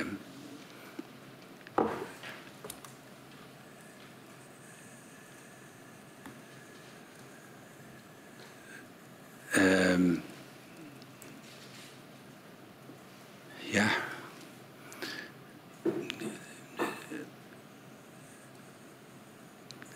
Het, het, is, het is moeilijk voor te stellen dat uh, de, de, de roep uit de samenleving om NAM uit de procedure uh, te halen, uh, dat die tot het stopzetten van het protocol heeft geleid. om te beginnen weet ik niet waar, waar die roep nou precies vandaan kwam.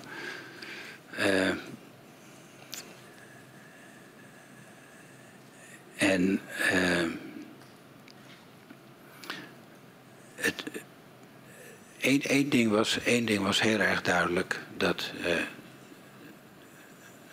de NAM het vertrouwen in, in de arbiter uh, kwijt was. En het stopzetten van het protocol, uh, de merkwaardigheid deed zich daarbij voor. het was natuurlijk voor iedereen, maar ook voor de arbiter, een ingrijpende een ingrijpend moment. Uh, wij werden daardoor verrast. Wij wisten daar niets van, we zijn daar niet over geïnformeerd. Er is ons ook niet om advies gevraagd. Wij horen dat, net als ieder ander in uh, Groningen, op, op 31 maart. Dat het was stopgezet. Het kan haast niet anders. Of die beslissing die is niet op 31 maart genomen, maar die moet eerder genomen zijn. En tegen die achtergrond uh, denk ik achteraf, is het ook wel voor de NAM werkwaardig geweest om daarmee om te gaan. Enerzijds, we stoppen met het protocol. En anderzijds, nu komt de arbiter en die vraagt een aanpassing van het reglement. Dat de arbiter, wij hadden op 31 maart nog niet direct in de gaten dat het stopzetten van het protocol ook het einde van de arbiter betekende. Uh, maar dat bleek al heel snel toch wel zo te zijn. Uh, er is een Kamerbrief van, van de minister, minister Kamp, van, van 13 april van, de, dat jaar, waarin de minister al aangeeft dat er een, eh, een OCS zal komen, een onafhankelijke commissie schadeafhandeling, en dat de arbiter dan niet meer nodig is. Dat was allemaal al bedacht en uh, min of meer beklonken. Het moest alleen nog uitgewerkt worden gaan hier straks uh, op door. Um, de heer Van der Vinnen, uh, oud-voorzitter van de arbiter uh, en uw voorganger als voorzitter, schrijft aan de enquêtecommissie dat steeds meer mensen een zaak indienden bij de arbiter. Uh, ik citeer hem even uit, uit zijn brief. Hij schrijft: De procedure die de arbiter volgde om de zaken af te wikkelen, maakte een snelle afdoening van grote aantallen zaken onmogelijk. De arbiter stelde vervolgens een wijziging van de procedure voor, die het mogelijk maakte de zaken sneller af te doen. Toen bleek het ware gezicht van de NAM. Geschrokken door de grote toevloed van zaken richting de arbiter, begon de NAM de besprekingen over de wijzigingen te traineren en volstrekt onwerkbare tegenvoorstellen te doen. Het duurde daardoor bijna een jaar alvorens de arbiter verder kon met een snellere procedure. In hoeverre herkent u het beeld dat de heer Van de Vinnen hier schetst? Uh, dat is hetzelfde beeld uh, dat ik uh, hoop ik zojuist ook heb geschetst. Het heeft bijna een jaar geduurd en, en de NAM die lag daarin dwars. En uiteindelijk is er iets uitgekomen waar we helemaal niet blij mee waren. Want die tweedeling en die uh, deskundige die is wel in het uh, reglement gekomen. Maar wij vonden het op dat moment onverantwoord om uh, dwars te liggen, te blijven liggen daartegen. Omdat we met die zaken verder moesten. Inmiddels was er heel veel gebeurd in dat jaar natuurlijk. Het protocol was stopgezet. Dat is eigenlijk gebeurd nadat wij de NAM verzocht hadden om het reglement aan te passen. Dat hebben we geloof ik al in januari gedaan. In maart wordt het protocol stopgezet. de verwachting dat er een nieuw protocol snel zou komen, die is niet uitgekomen. Uh, het kabinet was demissionair. Er was geen, op een gegeven moment ook ja, ja. geen minister. U schetste net uh, inderdaad het voorbeeld van uh, de, de rechtbankdeskundige die NAM als eis in de procedure wilde opnemen. Um, waren er nog andere voorstellen die NAM deed? Waar nou, niet, die onder de categorie onwerkbare tegenvoorstellen nou, niet, niet dat mij nu bijstaat, nee. Okay. En op welke manier uh, ja, moeten, we, moeten we het beeld uh, begrijpen over dat er getraineerd wordt om wijzigingen van de procedure? Uh, daarmee moet u denken op, op lange reactietermijnen die er uiteindelijk toe hebben geleid dat op ons verzoek in, van januari Terwijl er toch uh, er een zekere urgentie achter zat uh, met al die zaken die bij ons binnenkwamen. Ja, u kreeg er 50 per week binnen en u kon er maar 10 per week afhandelen. Ja, pas in, in november tot een, een, een beslissing is gekomen. Dus bijna een jaar. Ja. ja. Kunnen we concluderen dat de NAM de inwerkingtreding van het nieuwe reglement traineerde en daarmee een versnelde schadeafhandeling saboteerde? Nou, saboteren, dat, ja. In ieder geval, uh, de, de handelwijze van, van de NAM stond, aan, uh, stond er wel aan in de weg. Uh,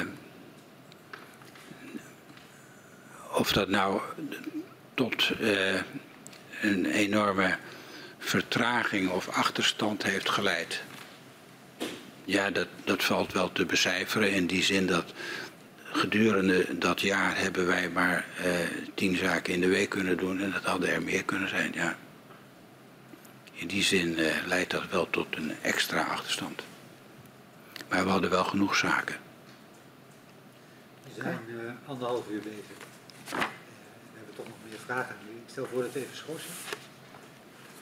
Ik heb mijn geluid niet aan dat we even gaan schorsen, omdat we al anderhalf uur bezig zijn. En uh, ik verzoek de rivier om u even naar buiten te geleiden.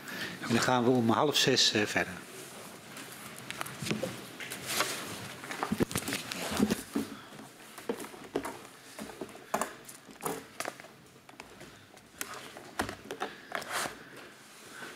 Zoals gezegd, uh, schors ik de vergadering tot half zes.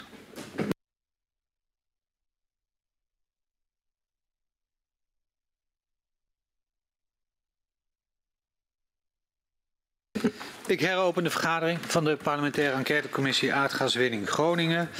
Aan de orde is het vervolg van het verhoor met de heer Schulting en ik uh, verzoek de griffier om hem naar binnen te geleiden.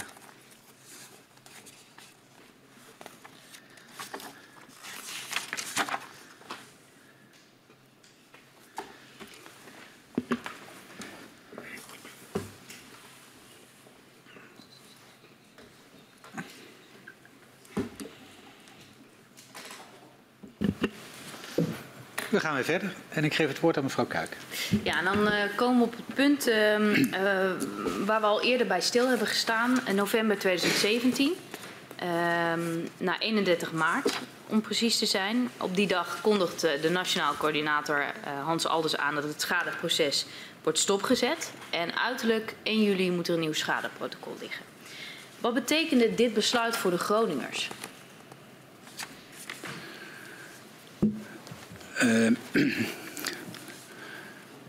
in ieder geval on, on, onzekerheid. Uh, en uiteindelijk is gebleken dat het uh, voor, de, voor de Groningers ja, toch ook weer voor een enorme vertraging heeft gezorgd. Omdat anders dan aanvankelijk gedacht het, het, het, nieuwe protocol pas in maart 2018 van kracht is geworden in de vorm van uh, uh, de oprichting van de TCMG en het daarbij behorende besluit. Mm. Uh, dus dat, is een, dat heeft een vertraging opgeleverd van nou, zeg maar een jaar.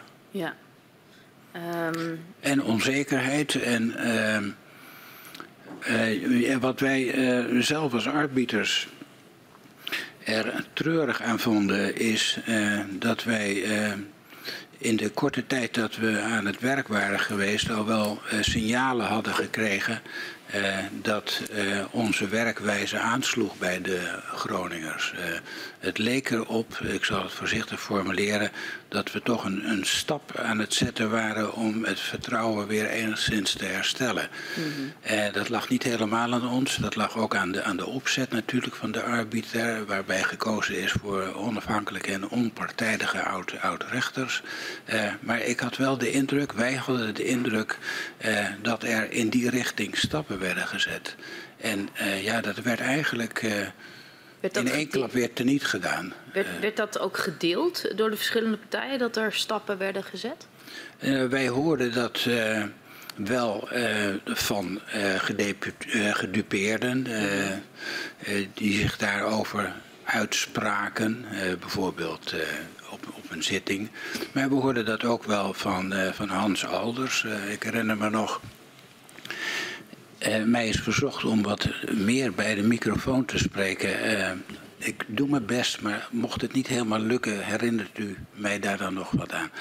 Uh, ik herinner mij nog een, een, een zogeheten kerstbijeenkomst eind december 2016 ja. van de NCG, waar in Hans Alders op op een zeer bevlogen wijze de medewerkers van de NCG heeft uh, toegesproken. En daarbij ook nogal flink de loftrompet heeft afgestoken over de arbiter. Dat het allemaal goed ging en dat het vertrouwen in de arbiter groot was. En ja, dat we stappen aan het zetten waren om tot een ja, herstel van vertrouwen te komen. En tegen die achtergrond is het des te merkwaardiger dat uh, ja, kort daarop uh, het protocol is stopgezet. En ik, ik ja. suggereerde het al eventjes. Uh, de, de uitspraak daarover is gedaan op 31 maart. Maar het kan eigenlijk niet anders of het moet al heel veel eerder in gang zijn gezet. Maar u zag het niet aankomen in ieder geval? Wij zagen het niet aankomen. En of Hans Alders het zag aankomen, dat weet ik niet. Maar in eind december stak hij nog de loftrompet over ons af. En ik heb geen enkele reden om aan zijn oprechtheid op dat punt uh, te twijfelen. Dan uh, na die aankondiging uh, gaat de NCG aan de slag met een nieuw schadeprotocol. Op welke manier ehm, werd de arbiter daarbij betrokken? De, de arbiter werd erbij betrokken door uh, het, leveren van commentaar op, op concepten die van, de, van de NCG afkomstig waren. Mm -hmm. en, en, ik heb u al even voorgehouden dat bij die gelegenheden. ik ben daar persoonlijk misschien een paar keer bij geweest, maar ik was toen nog geen voorzitter, dus ik voerde daar niet het, het, uh, het voortouw in. Uh, en wij, maar wij probeerden wel uh, commentaar te leveren op die, of dat deden we ook op die concepten. En om aanvullingen, verbeteringen voor te dragen. En dan werd er keer op keer vanuit de NCG gezegd. denk maar niet dat het lukt, want dat zal de NAM niet accepteren. En heeft u daar ook voorbeelden van, zodat wij daar een beetje een beeld bij krijgen, wat dat dan voor suggesties nee, dat waren? zou ik niet durven zeggen, nee. Uh, dat komt denk ik weer om, dat, ja, ik, deze terugkoppeling, die kregen wij als arbiters wel van onze ja. voorzitter, maar ik zat daar niet uh, iedere keer aan tafel om te discussiëren over die concepten. Nee. Maar de, de, de punten die uh, werden ingebracht, daarvan kreeg u in de terugkoppeling terug dat de NCG zei... Nou, uh, een kleine kans dat dat uh, erdoor komt. Uh, nee, geen kans. Geen kans? Geen kans dat dat bij de NAM erdoor komt. En dat betekende, dat, dat maakte ons duidelijk dat op hetzelfde moment waarop de NCG uitstraalde dat er gewerkt werd aan een nieuw protocol waar de NAM helemaal buiten stond, ons duidelijk werd dat het nieuwe protocol er alleen maar zou komen als het de instemming zou hebben van de NAM. Ja, dus dat werd u duidelijk uh, op basis ook van uh, deze reactie. Ja. ja. Um, uiteindelijk heeft dat schadeproces uh, een heel jaar stilgelegen. had, had dit voorkomen kunnen worden? En hoe? Eh, ja, natuurlijk had het voorkomen kunnen worden. Eh, om, om, te beginnen had het protocol niet uh, ingetrokken hoeven te worden wat ons betreft. Maar nee. goed, wij zijn daar niet leidend in. Mm. Dat is wel duidelijk. en ik denk ook dat het... ja, in het algemeen kun je zeggen dat het onverstandig is om een, je oude protocol weg te gooien zolang je nog geen nieuw hebt. Nee. Dus het was dus beter geweest als men eerst een nieuw protocol had ontworpen en dan was gestopt met het oude protocol. Ja. En los daarvan, ja, het is een ingewikkelde materie, maar om een jaar te doen over het maken van een protocol, dat is toch ook wel heel erg lang. En uh, Hans Alders, die, of de NCG, laat ik het zo, zeggen, die, die, die, kwam er uiteindelijk niet uit. En ja, die heeft toen, zoals u weet, de commissie Hammerstein. Om advies gevraagd. En ja, die, heeft er natuurlijk ook de enige tijd voor nodig gehad. Maar uiteindelijk heeft het allemaal heel erg weinig opgeleverd. Mm -hmm. Totdat er uiteindelijk uh, inmiddels uh, onder een nieuwe minister een uh, flinke aardbeving in, in Zeerijp plaatsvond in januari 2018. En ja, in mijn, mijn woorden voor de minister de maat vol was. En nou moet het ervan komen. Ja, dus u, u geeft aan van nou ja. Voor, als het zo lang stil ligt, dan had dan eerst doorgegaan met dat oude schade, ja. schadeprotocol voordat uh, dat nieuwe. Voordat protocol... je met iets nieuws begint, ja. Oké. Okay. Ja, u wijst al naar januari 2018, de 31ste. Dan uh, wordt het tijdelijk besluit mijnbouwschade Groningen gepresenteerd door uh, de minister. Januari uh, zegt u? Januari ja. 2018. Um, daarmee wordt ervoor gekozen, of daarmee wordt gekozen, ervoor gekozen om de schadeafhandeling publiekrechtelijk te gaan regelen. De arbiters hebben voor schademeldingen vanaf 31 april 2017 geen rol meer. Was u betrokken bij dat besluit? Nee, nee, nee. Dit u wist is, er niet van dat dat zou komen? Nee, dit, dit, uh, dit is helemaal buiten de arbiter omgegaan. Uh, ik wil het nog even terug, mee, terugnemen naar het begin. Uh, wij zijn ingesteld door NAM, EZ en NCG. Als je het vergelijkt met de TCMG waren we maar een bescheiden organisatie. Maar het was toch ook weer niet helemaal niks. Uh, binnen een jaar zijn we afgeschaft.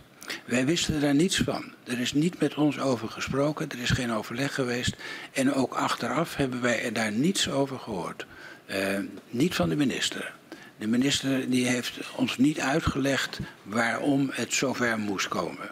En gaandeweg, toen er een nieuw protocol in beeld kwam, hebben wij daar ook niets uh, van gehoord. Wij zijn natuurlijk wel betrokken geweest bij uh, de exercitie van, van de commissie Hammerstein. En uh, op het moment dat, uh, dat minister Wiebes ingreep en zei van nou moet er toch echt op korte termijn een protocol komen en ik doe het zelf wel. Ja, toen is er nog een, een consultancybureau is er, uh, is erbij gehaald en toen is er ook nog een adviescommissie in het leven geroepen met uh, onder andere bestuursrechtelijk georiënteerde wetenschappers. En ik geloof ook dat onze voorzitter daarin gezeten heeft. Ik wilde niet, weet niet helemaal zeker of dat zo is. En die hebben de, de, de, de minister geadviseerd. En uiteindelijk is er een uh, protocol uit de voorschijn gekomen. Wat overigens weer niet spoorde met het advies van uh, die commissie, die adviescommissie. Die in, heb ik mij laten vertellen, in alle toonaarden de, minister heeft gewaarschuwd voor het volgen van de bestuursrechtelijke weg. Maar die is er wel van gekomen. Ja, daar ga ik u vragen over stellen. Maar um, um, ik, ik, gaf net aan 31 april 2017. Het ging om 31 maart 2017. Dus goed om even te herstellen. Vanaf dat moment, uh, schademeldingen die vanaf dat moment uh, uh, er lagen, daar, daar mocht de arbiter geen uitspraken meer in doen. Um, u gaf eerder in het verhoor aan dat de NAM erop uit zou zijn om de arbiter uh, te laten stoppen. Ja. Kunt u dat uh, toelichten?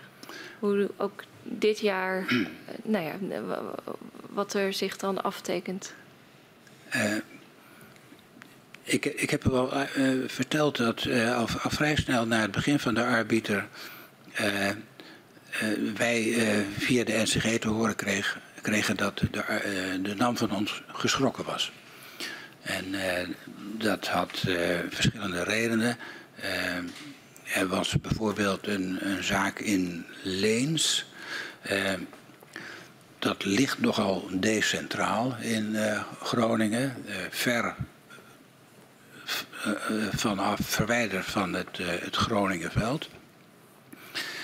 In Leens was in het verleden, dus, dus voor de arbiter, al wel schade toegekend door de NAM. En toen wij er kwamen, naar aanleiding van een nieuwe schademelding, uh, waren wij van plan om die schademelding ook in behandeling te nemen en te beoordelen. En daar schrok de NAM van, want die vond dat dat ja, zo ver van, verwijderd vanaf het Groningenveld, daar zou een aardbeving geen schade meer kunnen aanrichten.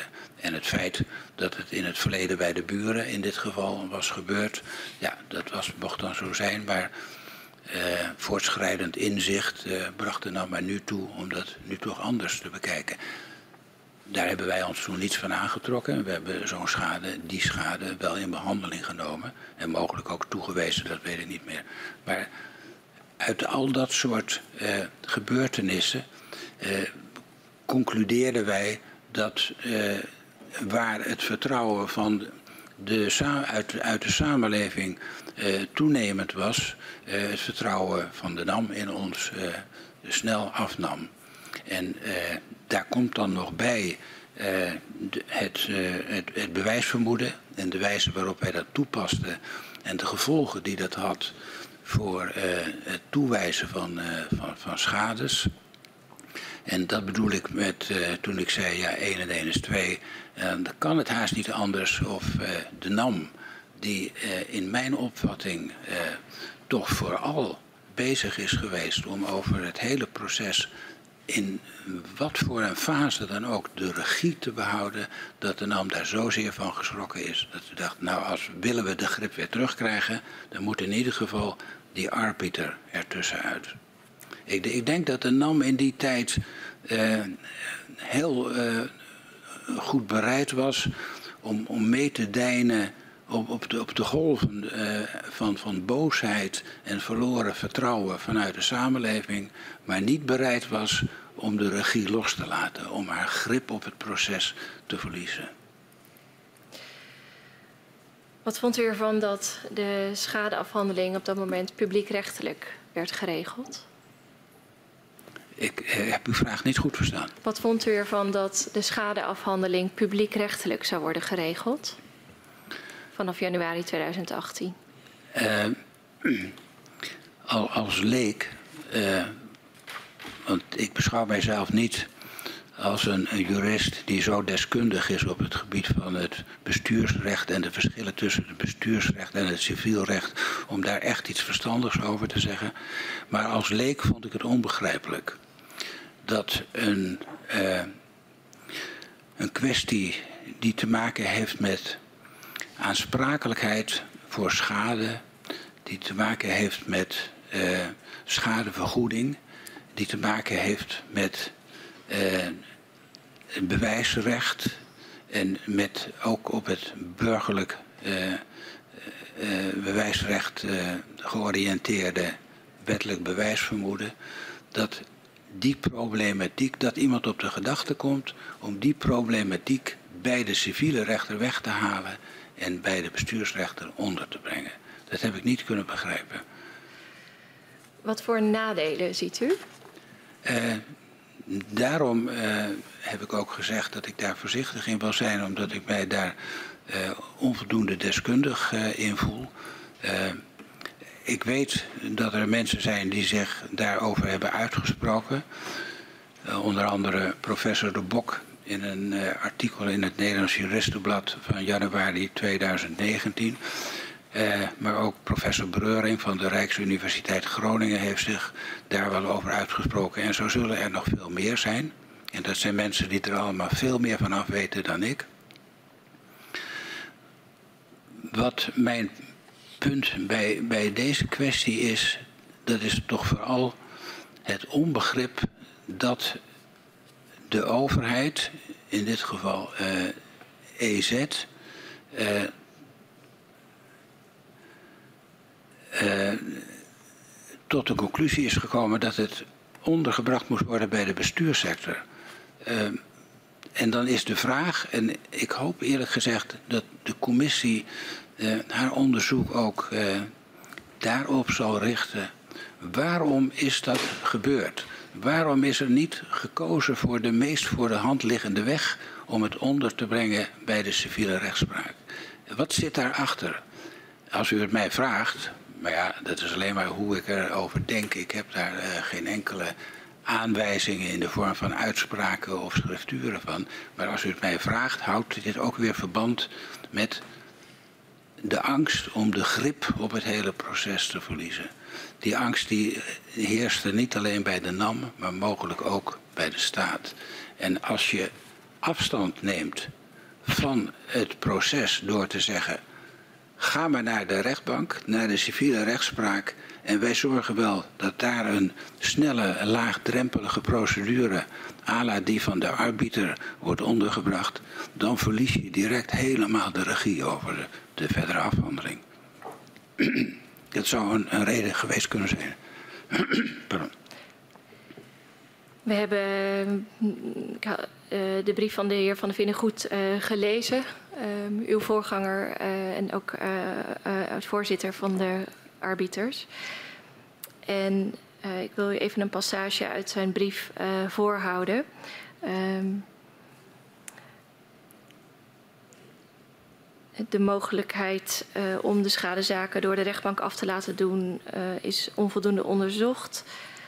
Um, en uh, dan haalt hij een, ja, dan schrijft hij een passage na aanleiding van een ontmoeting, een kennismaking tussen de arbiterbodembeweging met de voorzitter, de toenmalige voorzitter van de TCMG. Um, en dan citeer ik uit zijn uitleg van de voorzitter van de TCMG. Van de procedure bleek dat een door het instituut Mijnbouwschade aangewezen deskundige de schades zou gaan onderzoeken en adviseren of al dan niet sprake was van aardbevingsschade. In geval de deskundige oordeelde dat er geen sprake was van aardbevingsschade, was het aan de eigenaar om met een deskundige zijnerzijds aan te tonen dat het oordeel van de eerste deskundige, die door het instituut Mijnbouwschade was aangewezen, onjuist was. Daarmee kwam voor een groot aantal zaken de bewijslast weer op de eigenaar te rusten. Ik kan onderschrijven wat uh, daar geschreven is, omdat ik ook bij die kennismaking aanwezig ben geweest. En het is inderdaad zo gezegd. En daar keken wij van op, om het voorzichtig te zeggen. Want op deze manier poets je eigenlijk het hele wettelijk bewijsvermoeden weer van tafel. En is de schademelder terug bij af. Hij meldt zijn schade niet bij de NAM, maar bij een commissie. Die commissie die zegt het bewijsvermoeden is niet van toepassing. Einde oefening. Wat frappant is dat je iets dergelijks ook leest in de Kamerbrief van de minister van 13 april 2017. Daar schrijft de minister dat er een OCS zou worden opgericht. En dat die OCS, daar kun je je schade melden. En die OCS die zal eerst bekijken of het bewijsvermoeden van toepassing is. Dat is eigenlijk hetzelfde. En als die OCS dan zegt van het bewijsvermoeden is niet van toepassing, dan kan de schademelder, om, als, als ware er helemaal geen wettelijk bewijsvermoeden, die moet dan weer aan de bak om te bewijzen dat de schade wel door een beving is veroorzaakt. Dus het zijn eigenlijk twee mooie voorbeelden, al heel snel na de komst van het eh, bewijsvermoeden, om het ook weer te keren. Ja. En uh, de deskundigen uh, die uh, dan door het instituut Mijnbouwschade zouden zijn aangewezen, um, weet u ook nou, uit welke pool deskundigen dan zou moeten worden geput? Nee, dat weet ik niet. Nee. Dat nee. weet ik niet. Okay, dank u wel. Nee. um, Het werk eh, van de arbiters uh, wordt gewaardeerd, maar we zien ook uh, kritische geluiden. De Groninger Bodembeweging schrijft: Veel Groningers zijn de laatste jaren ontevreden geraakt over het optreden van de arbiter en hebben zich verenigd in het Arbiterscafé. In hoeverre was u op de hoogte van deze signalen? Ehm, weinig. wij wisten van het bestaan van het Arbiterscafé, maar we zijn er nooit geweest. En uh, dus daar kan ik ook niet veel over zeggen. Uh, we wisten dat die signalen er waren, maar ja, het, het, het bleef bij signalen. En uh, dat was niet iets wat bij u werd aangekaart? Nee, door de... nee, nee, nee, absoluut niet. Nee. nee. Um... En wij voelden ons niet geroepen om naar, naar het arbitercafé. Ik was natuurlijk wel nieuwsgierig, maar ik heb het al even eerder aangestipt. Uh, ja, de, de, onpartijdigheid van de arbiter die brengt ook zijn beperkingen met zich mee. En wij voelden ons niet vrij om ons in zo'n gezelschap te begeven en om ze te overtuigen van hun ongelijk of ja. wat dan ook. Dan uh, uh, kom ik nog wel even op dat punt wat ze dan maken, de Groningen Bodembeweging. Die wijst dat in, een, in heel veel zaken is geschikt voordat de arbiter tot een uitspraak kwam. Uh, en schrijft dat is ook in overeenstemming met het algemene beleid van de NAM. Traineren, uh, gedupeerde tegenwerken en op alle, mogelijke op alle mogelijke manieren.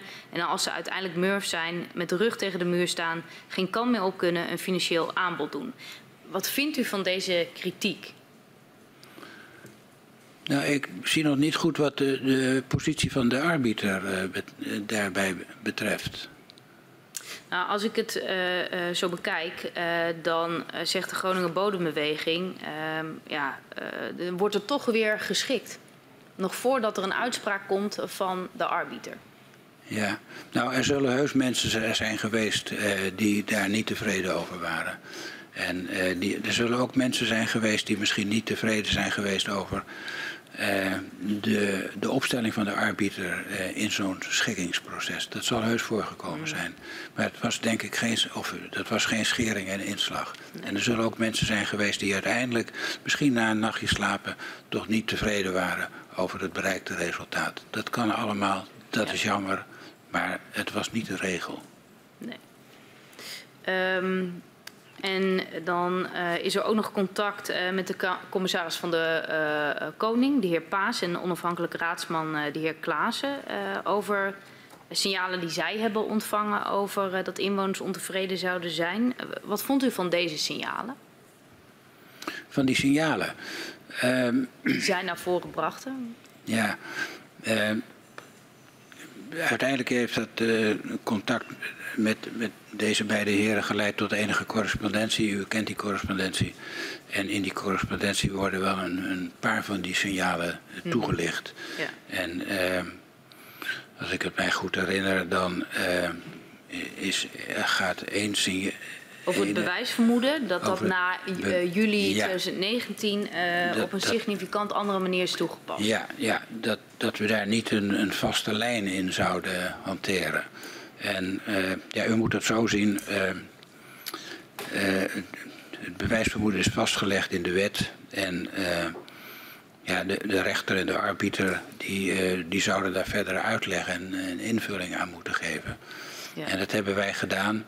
Bijvoorbeeld, en dan, dan, gaat het denk ik vooral over het proces van, van weerleggen van het bewijsvermoeden. Ik denk dat de Groningers op zich wel tevreden waren met de opstelling van de arbiter die inhield dat het in de hele provincie het bewijsvermoeden gold. Daar valt weinig kritiek op te hebben, denk ik. Mm -hmm. uh, maar vooral, hoe kun je het nou weer leggen en hoe hoog leg je daarbij de lat? Wij legden die lat uh, hoog. En aanvankelijk uh, zeiden we daarover in de, in de uitspraak dat de NAM in om te weerleggen uh, zou moeten bewijzen dat, of zou, dat het in ieder geval vast zou moeten komen te staan of voldoende aannemelijk zou moeten dat met aan zekerheid grenzende waarschijnlijkheid de schade door een andere oorzaak zou zijn aangericht. Later krijgen we het, het, het panel, dat al genoemd is, het panel ingesteld door het TCMG. Ja. Het panel heeft, heeft ook een, een lat bedacht. Ja. en wij vonden die lat van het panel vonden we eigenlijk wel een hele mooie lat. Dus die hebben we overgenomen. Ja, er zijn dus uitspraken daar, daar waarin zien mensen we een de, verschil en die de- vinden daar wat van. de formulering hebben aangepast. Ja. En vervolgens is er ook nog weer uiteindelijk een, eh, een uitspraak van de Hoge Raad gekomen. Eh, In 2019 pas Mhm. Ja. overigens. En die heeft weer een andere lat. En dat hebben we ook wel weer overgenomen. Maar neemt u van mij aan, we pasten de formulering aan, maar voor de hoogte van de lat in ons besef had dat geen enkel gelijk. De formulering werd aangepast, maar de, de lat bleef gelijk. De lat die bleef gewoon Ehm, lijk. Maar voor de buitenwereld leek het Voor de buitenwereld leek, leek het alsof we daarmee aan het schuiven waren. Mhm. En ehm, eh, dat is wel een punt waarvan ik achteraf zeg. eh, daar hadden we meer informatie over moeten geven. Dat hadden we duidelijker kunnen communiceren. Dat dit aan de gang was. Uiteindelijk, kijk, als de Hoge Raad iets over die lat zegt, dan kunnen wij als arbiter daar niet zomaar van afwijken. Nee. Dus eh, we deden dat ook niet. Maar we hadden daar meer uitleg over kunnen en moeten geven. Ja, want eh, En dat- wat betekende dit dan voor, voor eh, de gedupeerde? Dat die... Niks. Dat, hield, eh, nee, dat, eh, dat heeft geen gevolgen Nee. gehad voor de uitkomsten van de procedures. Maar ik kan me heel goed voorstellen dat het wel tot onrust heeft geleid. En dat Ja. mensen daar onzeker van werden en dachten, wat doet die arbiter nou? Oké, dank. Helder. In 2020 houdt de arbiter uiteindelijk op ehm, met het bestaan. Ehm, bent u tevreden over hoe de werkzaamheden van de arbiter eh, tot aan 2020 zijn afgerond? Nou, uit- uit- uiteindelijk ben ik blij dat, het ons gelukt is om nagenoeg alle eh, eh, bij ons ondergebrachte zaken tot een einde te brengen. Maar het is niet vanzelf gegaan en over de manier waarop, daar ben ik niet helemaal tevreden over. Maar goed, eind goed, al goed. Wat bedoelt u daarmee? Ja, wij waren een, een organisatie waarvan op enig moment eh, bekend werd dat het, eh, het einde naderde. En eh, dat naderende einde, dat werd ook steeds duidelijker. Het is nog wel een paar keer een maandje opgeschoven, maar het werd steeds duidelijker wanneer de arbiter ermee op zou houden. En eh, we hadden een aantal eh, arbiters eh, rondlopen, dat waren allemaal gepensioneerde mensen. Maar daarnaast ook een, een, hele batterij aan, aan jonge juristen en mensen op de administratie die daar een baan hadden.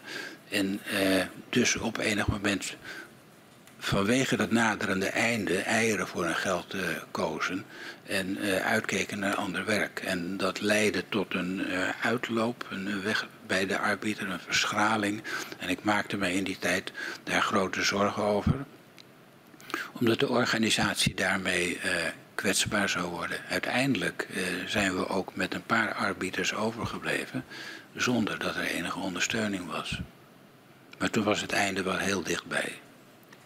Ik had liever gezien dat eh, er bijvoorbeeld vanuit de NCG, eh, dan wel vanuit de TCMG, maar de NCG is, is, eh, ligt iets meer voor de hand, omdat onze medewerkers ook ondergebracht waren bij de NCG, die faciliteren dat.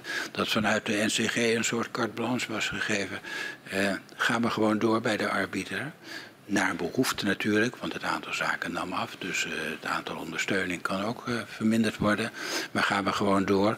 En je hebt bij ons in ieder geval een garantie dat je hier kunt blijven werken in een soortgelijke functie. Ook als de arbiter ophoudt te bestaan. Hoeveel zaken waren, lagen er toen nog op de plank? Nou ja, eh, misschien zijn we dat jaar ingegaan met 100 zaken. 100 zaken Ja. ongeveer. Maar dat waren dan wel allemaal zaken die behandeld moesten worden. En in heel veel zaken waren we ook nog weer afhankelijk van een deskundige bericht. Dus het waren geen zaken die, eh, waarvan de helft of 62 procent geschikt zou kunnen worden. Nee. Wat complexere zaken. Ja. Ehm, welke eh, gevolgen had het wegvallen van de arbiter voor de gedupeerde? Daar wil ik liever niet veel over zeggen, want eh, ik heb het eh, proces daarna niet meer echt gevolgd, alleen vanaf de zijlijn. En ehm,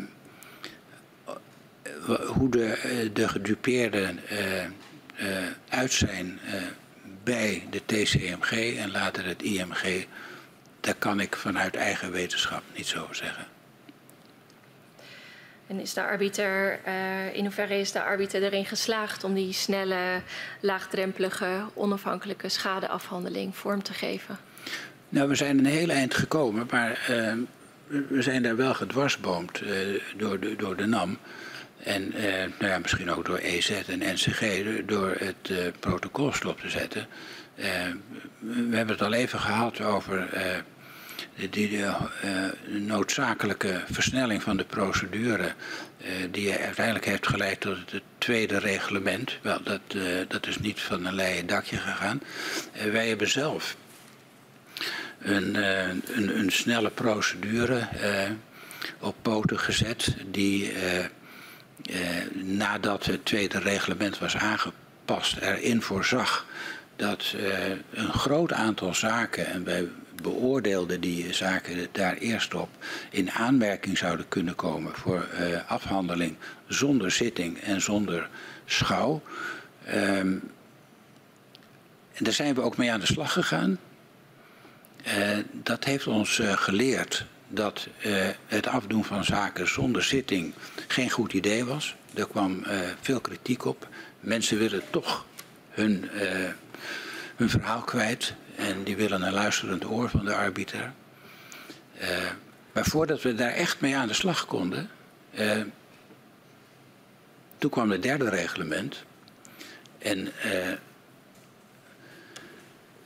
de, de fase waarin de NAM aan alle oude schadegevallen een aanbod zou doen. En toen moesten wij weer pas op de plaats maken. Ik heb het nu denk ik over begin 2018. Toen moesten wij weer ook met onze versnelde procedure pas op de plaats maken. Omdat de NAM eerst dat aanbod zou moeten doen. En afwachten wat dat opleverde. Of dat eh, tot overeenstemming leidde of niet. En pas daarna konden wij weer verder.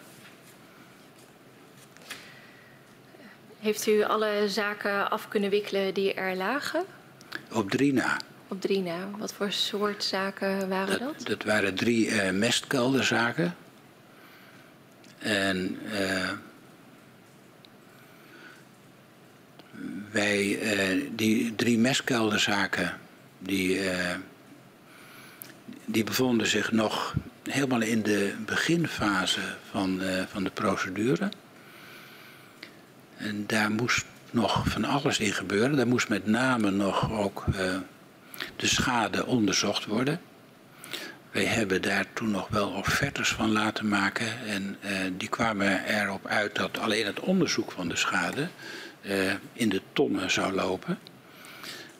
En uh, dat het ook nou, nog wel een half jaar of langer zou gaan duren voordat het onderzoek zou zijn afgerond. En pas dan zouden we met die procedure door kunnen gaan. Dus toen hebben wij een oplossing gezocht voor die zaken. En eh, met instemming van de TCMG en van de schademelders zijn die toen ondergebracht bij de TCMG. Um, in het begin van het eh, verhoor gaf u aan, uh, we zitten er als arbiters niet om jurisprudentie uh, te maken. in het gebied was er veel aan de hand. Ehm, sommige zaken hadden misschien, als er jurisprudentie, meer jurisprudentie was opgebouwd, sneller tot een oplossing uh, kunnen leiden. Hoe, hoe, kijkt u daarop terug? Ja, ik denk het wel. Ik denk dat het een, eh, een, gemiste kans is om. Uh, en dat er te weinig is gedaan met, met de ervaringen. opgedaan door de, door de arbiters. Met, name ook door zo snel dat protocol weer in te trekken. Ze hebben niet echt tot, tot volle ontwikkeling kunnen komen. Maar we waren een eind in de goede richting. En ik denk uiteindelijk uh, waren wij natuurlijk maar een kleine organisatie en ook uh, afhankelijk van gepensioneerde rechters. dus dat, dat zou uiteindelijk niet gelukt zijn om daarmee door te gaan. Maar wij hadden, dat had uitge gebouwd moeten worden natuurlijk. En in mijn ogen had dat ondergebracht moeten worden bij de rechtspraak. Als u het goed vindt, zou ik daar graag nog iets over willen zeggen, zometeen. Maar uh, wij hebben wel een aanzet gegeven. En ik denk dat dat een goede aanzet is geweest. En dat we onvoldoende de kans hebben gekregen om uh, ja, daar in ieder geval zoveel richting aan te geven dat voor elke nieuwe oplossing, nieuw protocol, daarbij zou zijn aangesloten. Dat had wel gekund, maar het is niet gebeurd. Uh, van verschillende zijden is er ook op gewezen dat uh, de arbiters daarin wel een voorbeeldfunctie zouden kunnen hebben. Dat heeft de minister onder andere gezegd bij de totstandkoming van het besluit Mijnbouwschade Groningen. En ook in het al wat vaker genoemde rapport van de Rijksuniversiteit Groningen is zo'n opmerking gemaakt dat uh, elk, elke nieuwe regeling zou kunnen profiteren, zou er ook goed aan doen om te kijken naar de ervaringen opgedaan door de arbiter bodembeweging om daarbij aan te sluiten. En ik heb het idee dat dat niet, in ieder geval onvoldoende is gebeurd. Als u terugkijkt op uw tijd, uh, heeft u uh, dan nog zaken waarvan u zegt dat hadden we anders moeten aanpakken? Ja. Nou, ik heb al een paar voorbeelden genoemd, denk ik. Hè? Ja, u heeft er twee genoemd. Um, misschien kunt u mij even helpen, maar die, die kritiek van de commissaris die noemde nog een ander punt. Uh, uh, aan, aan het begin van het verhoor heeft u gezegd we hadden eerder uh, met die, naar die verzakkingen. Ja. Daar hadden we anders mee om moeten gaan. Ja. Nou ja, en, en we hadden denk ik wat, wat, wat meer moeten communiceren, uh, naar buiten toe brengen waar we mee bezig waren en hoe we daarin stonden. En dan is dat voorbeeld van uh, de, de verschuiving uh, bij het, weer, van de tekst waarmee je eigenlijk aangeeft hoe je het bewijsvermoeden kunt weerleggen. Dat is daar een voorbeeld van. En zo zijn er denk ik nog wel meer. In het algemeen kun je denk ik zeggen dat, dat reken ik mijzelf aan, dat, dat we daar naar buiten toe, naar de samenleving toe, wat meer duidelijkheid over hadden moeten geven. Zonder daarmee gezegd te willen hebben dat de samenleving daar uiteindelijk tekort mee is gedaan. Dank u wel. Dank uh, meneer Schulding. We zijn uitgevraagd als uh, commissie. Uh, zeer veel dank voor uw medewerking. En ik kijk naar de rivier en ik verzoek hem om u naar buiten te geleiden. Dank u wel.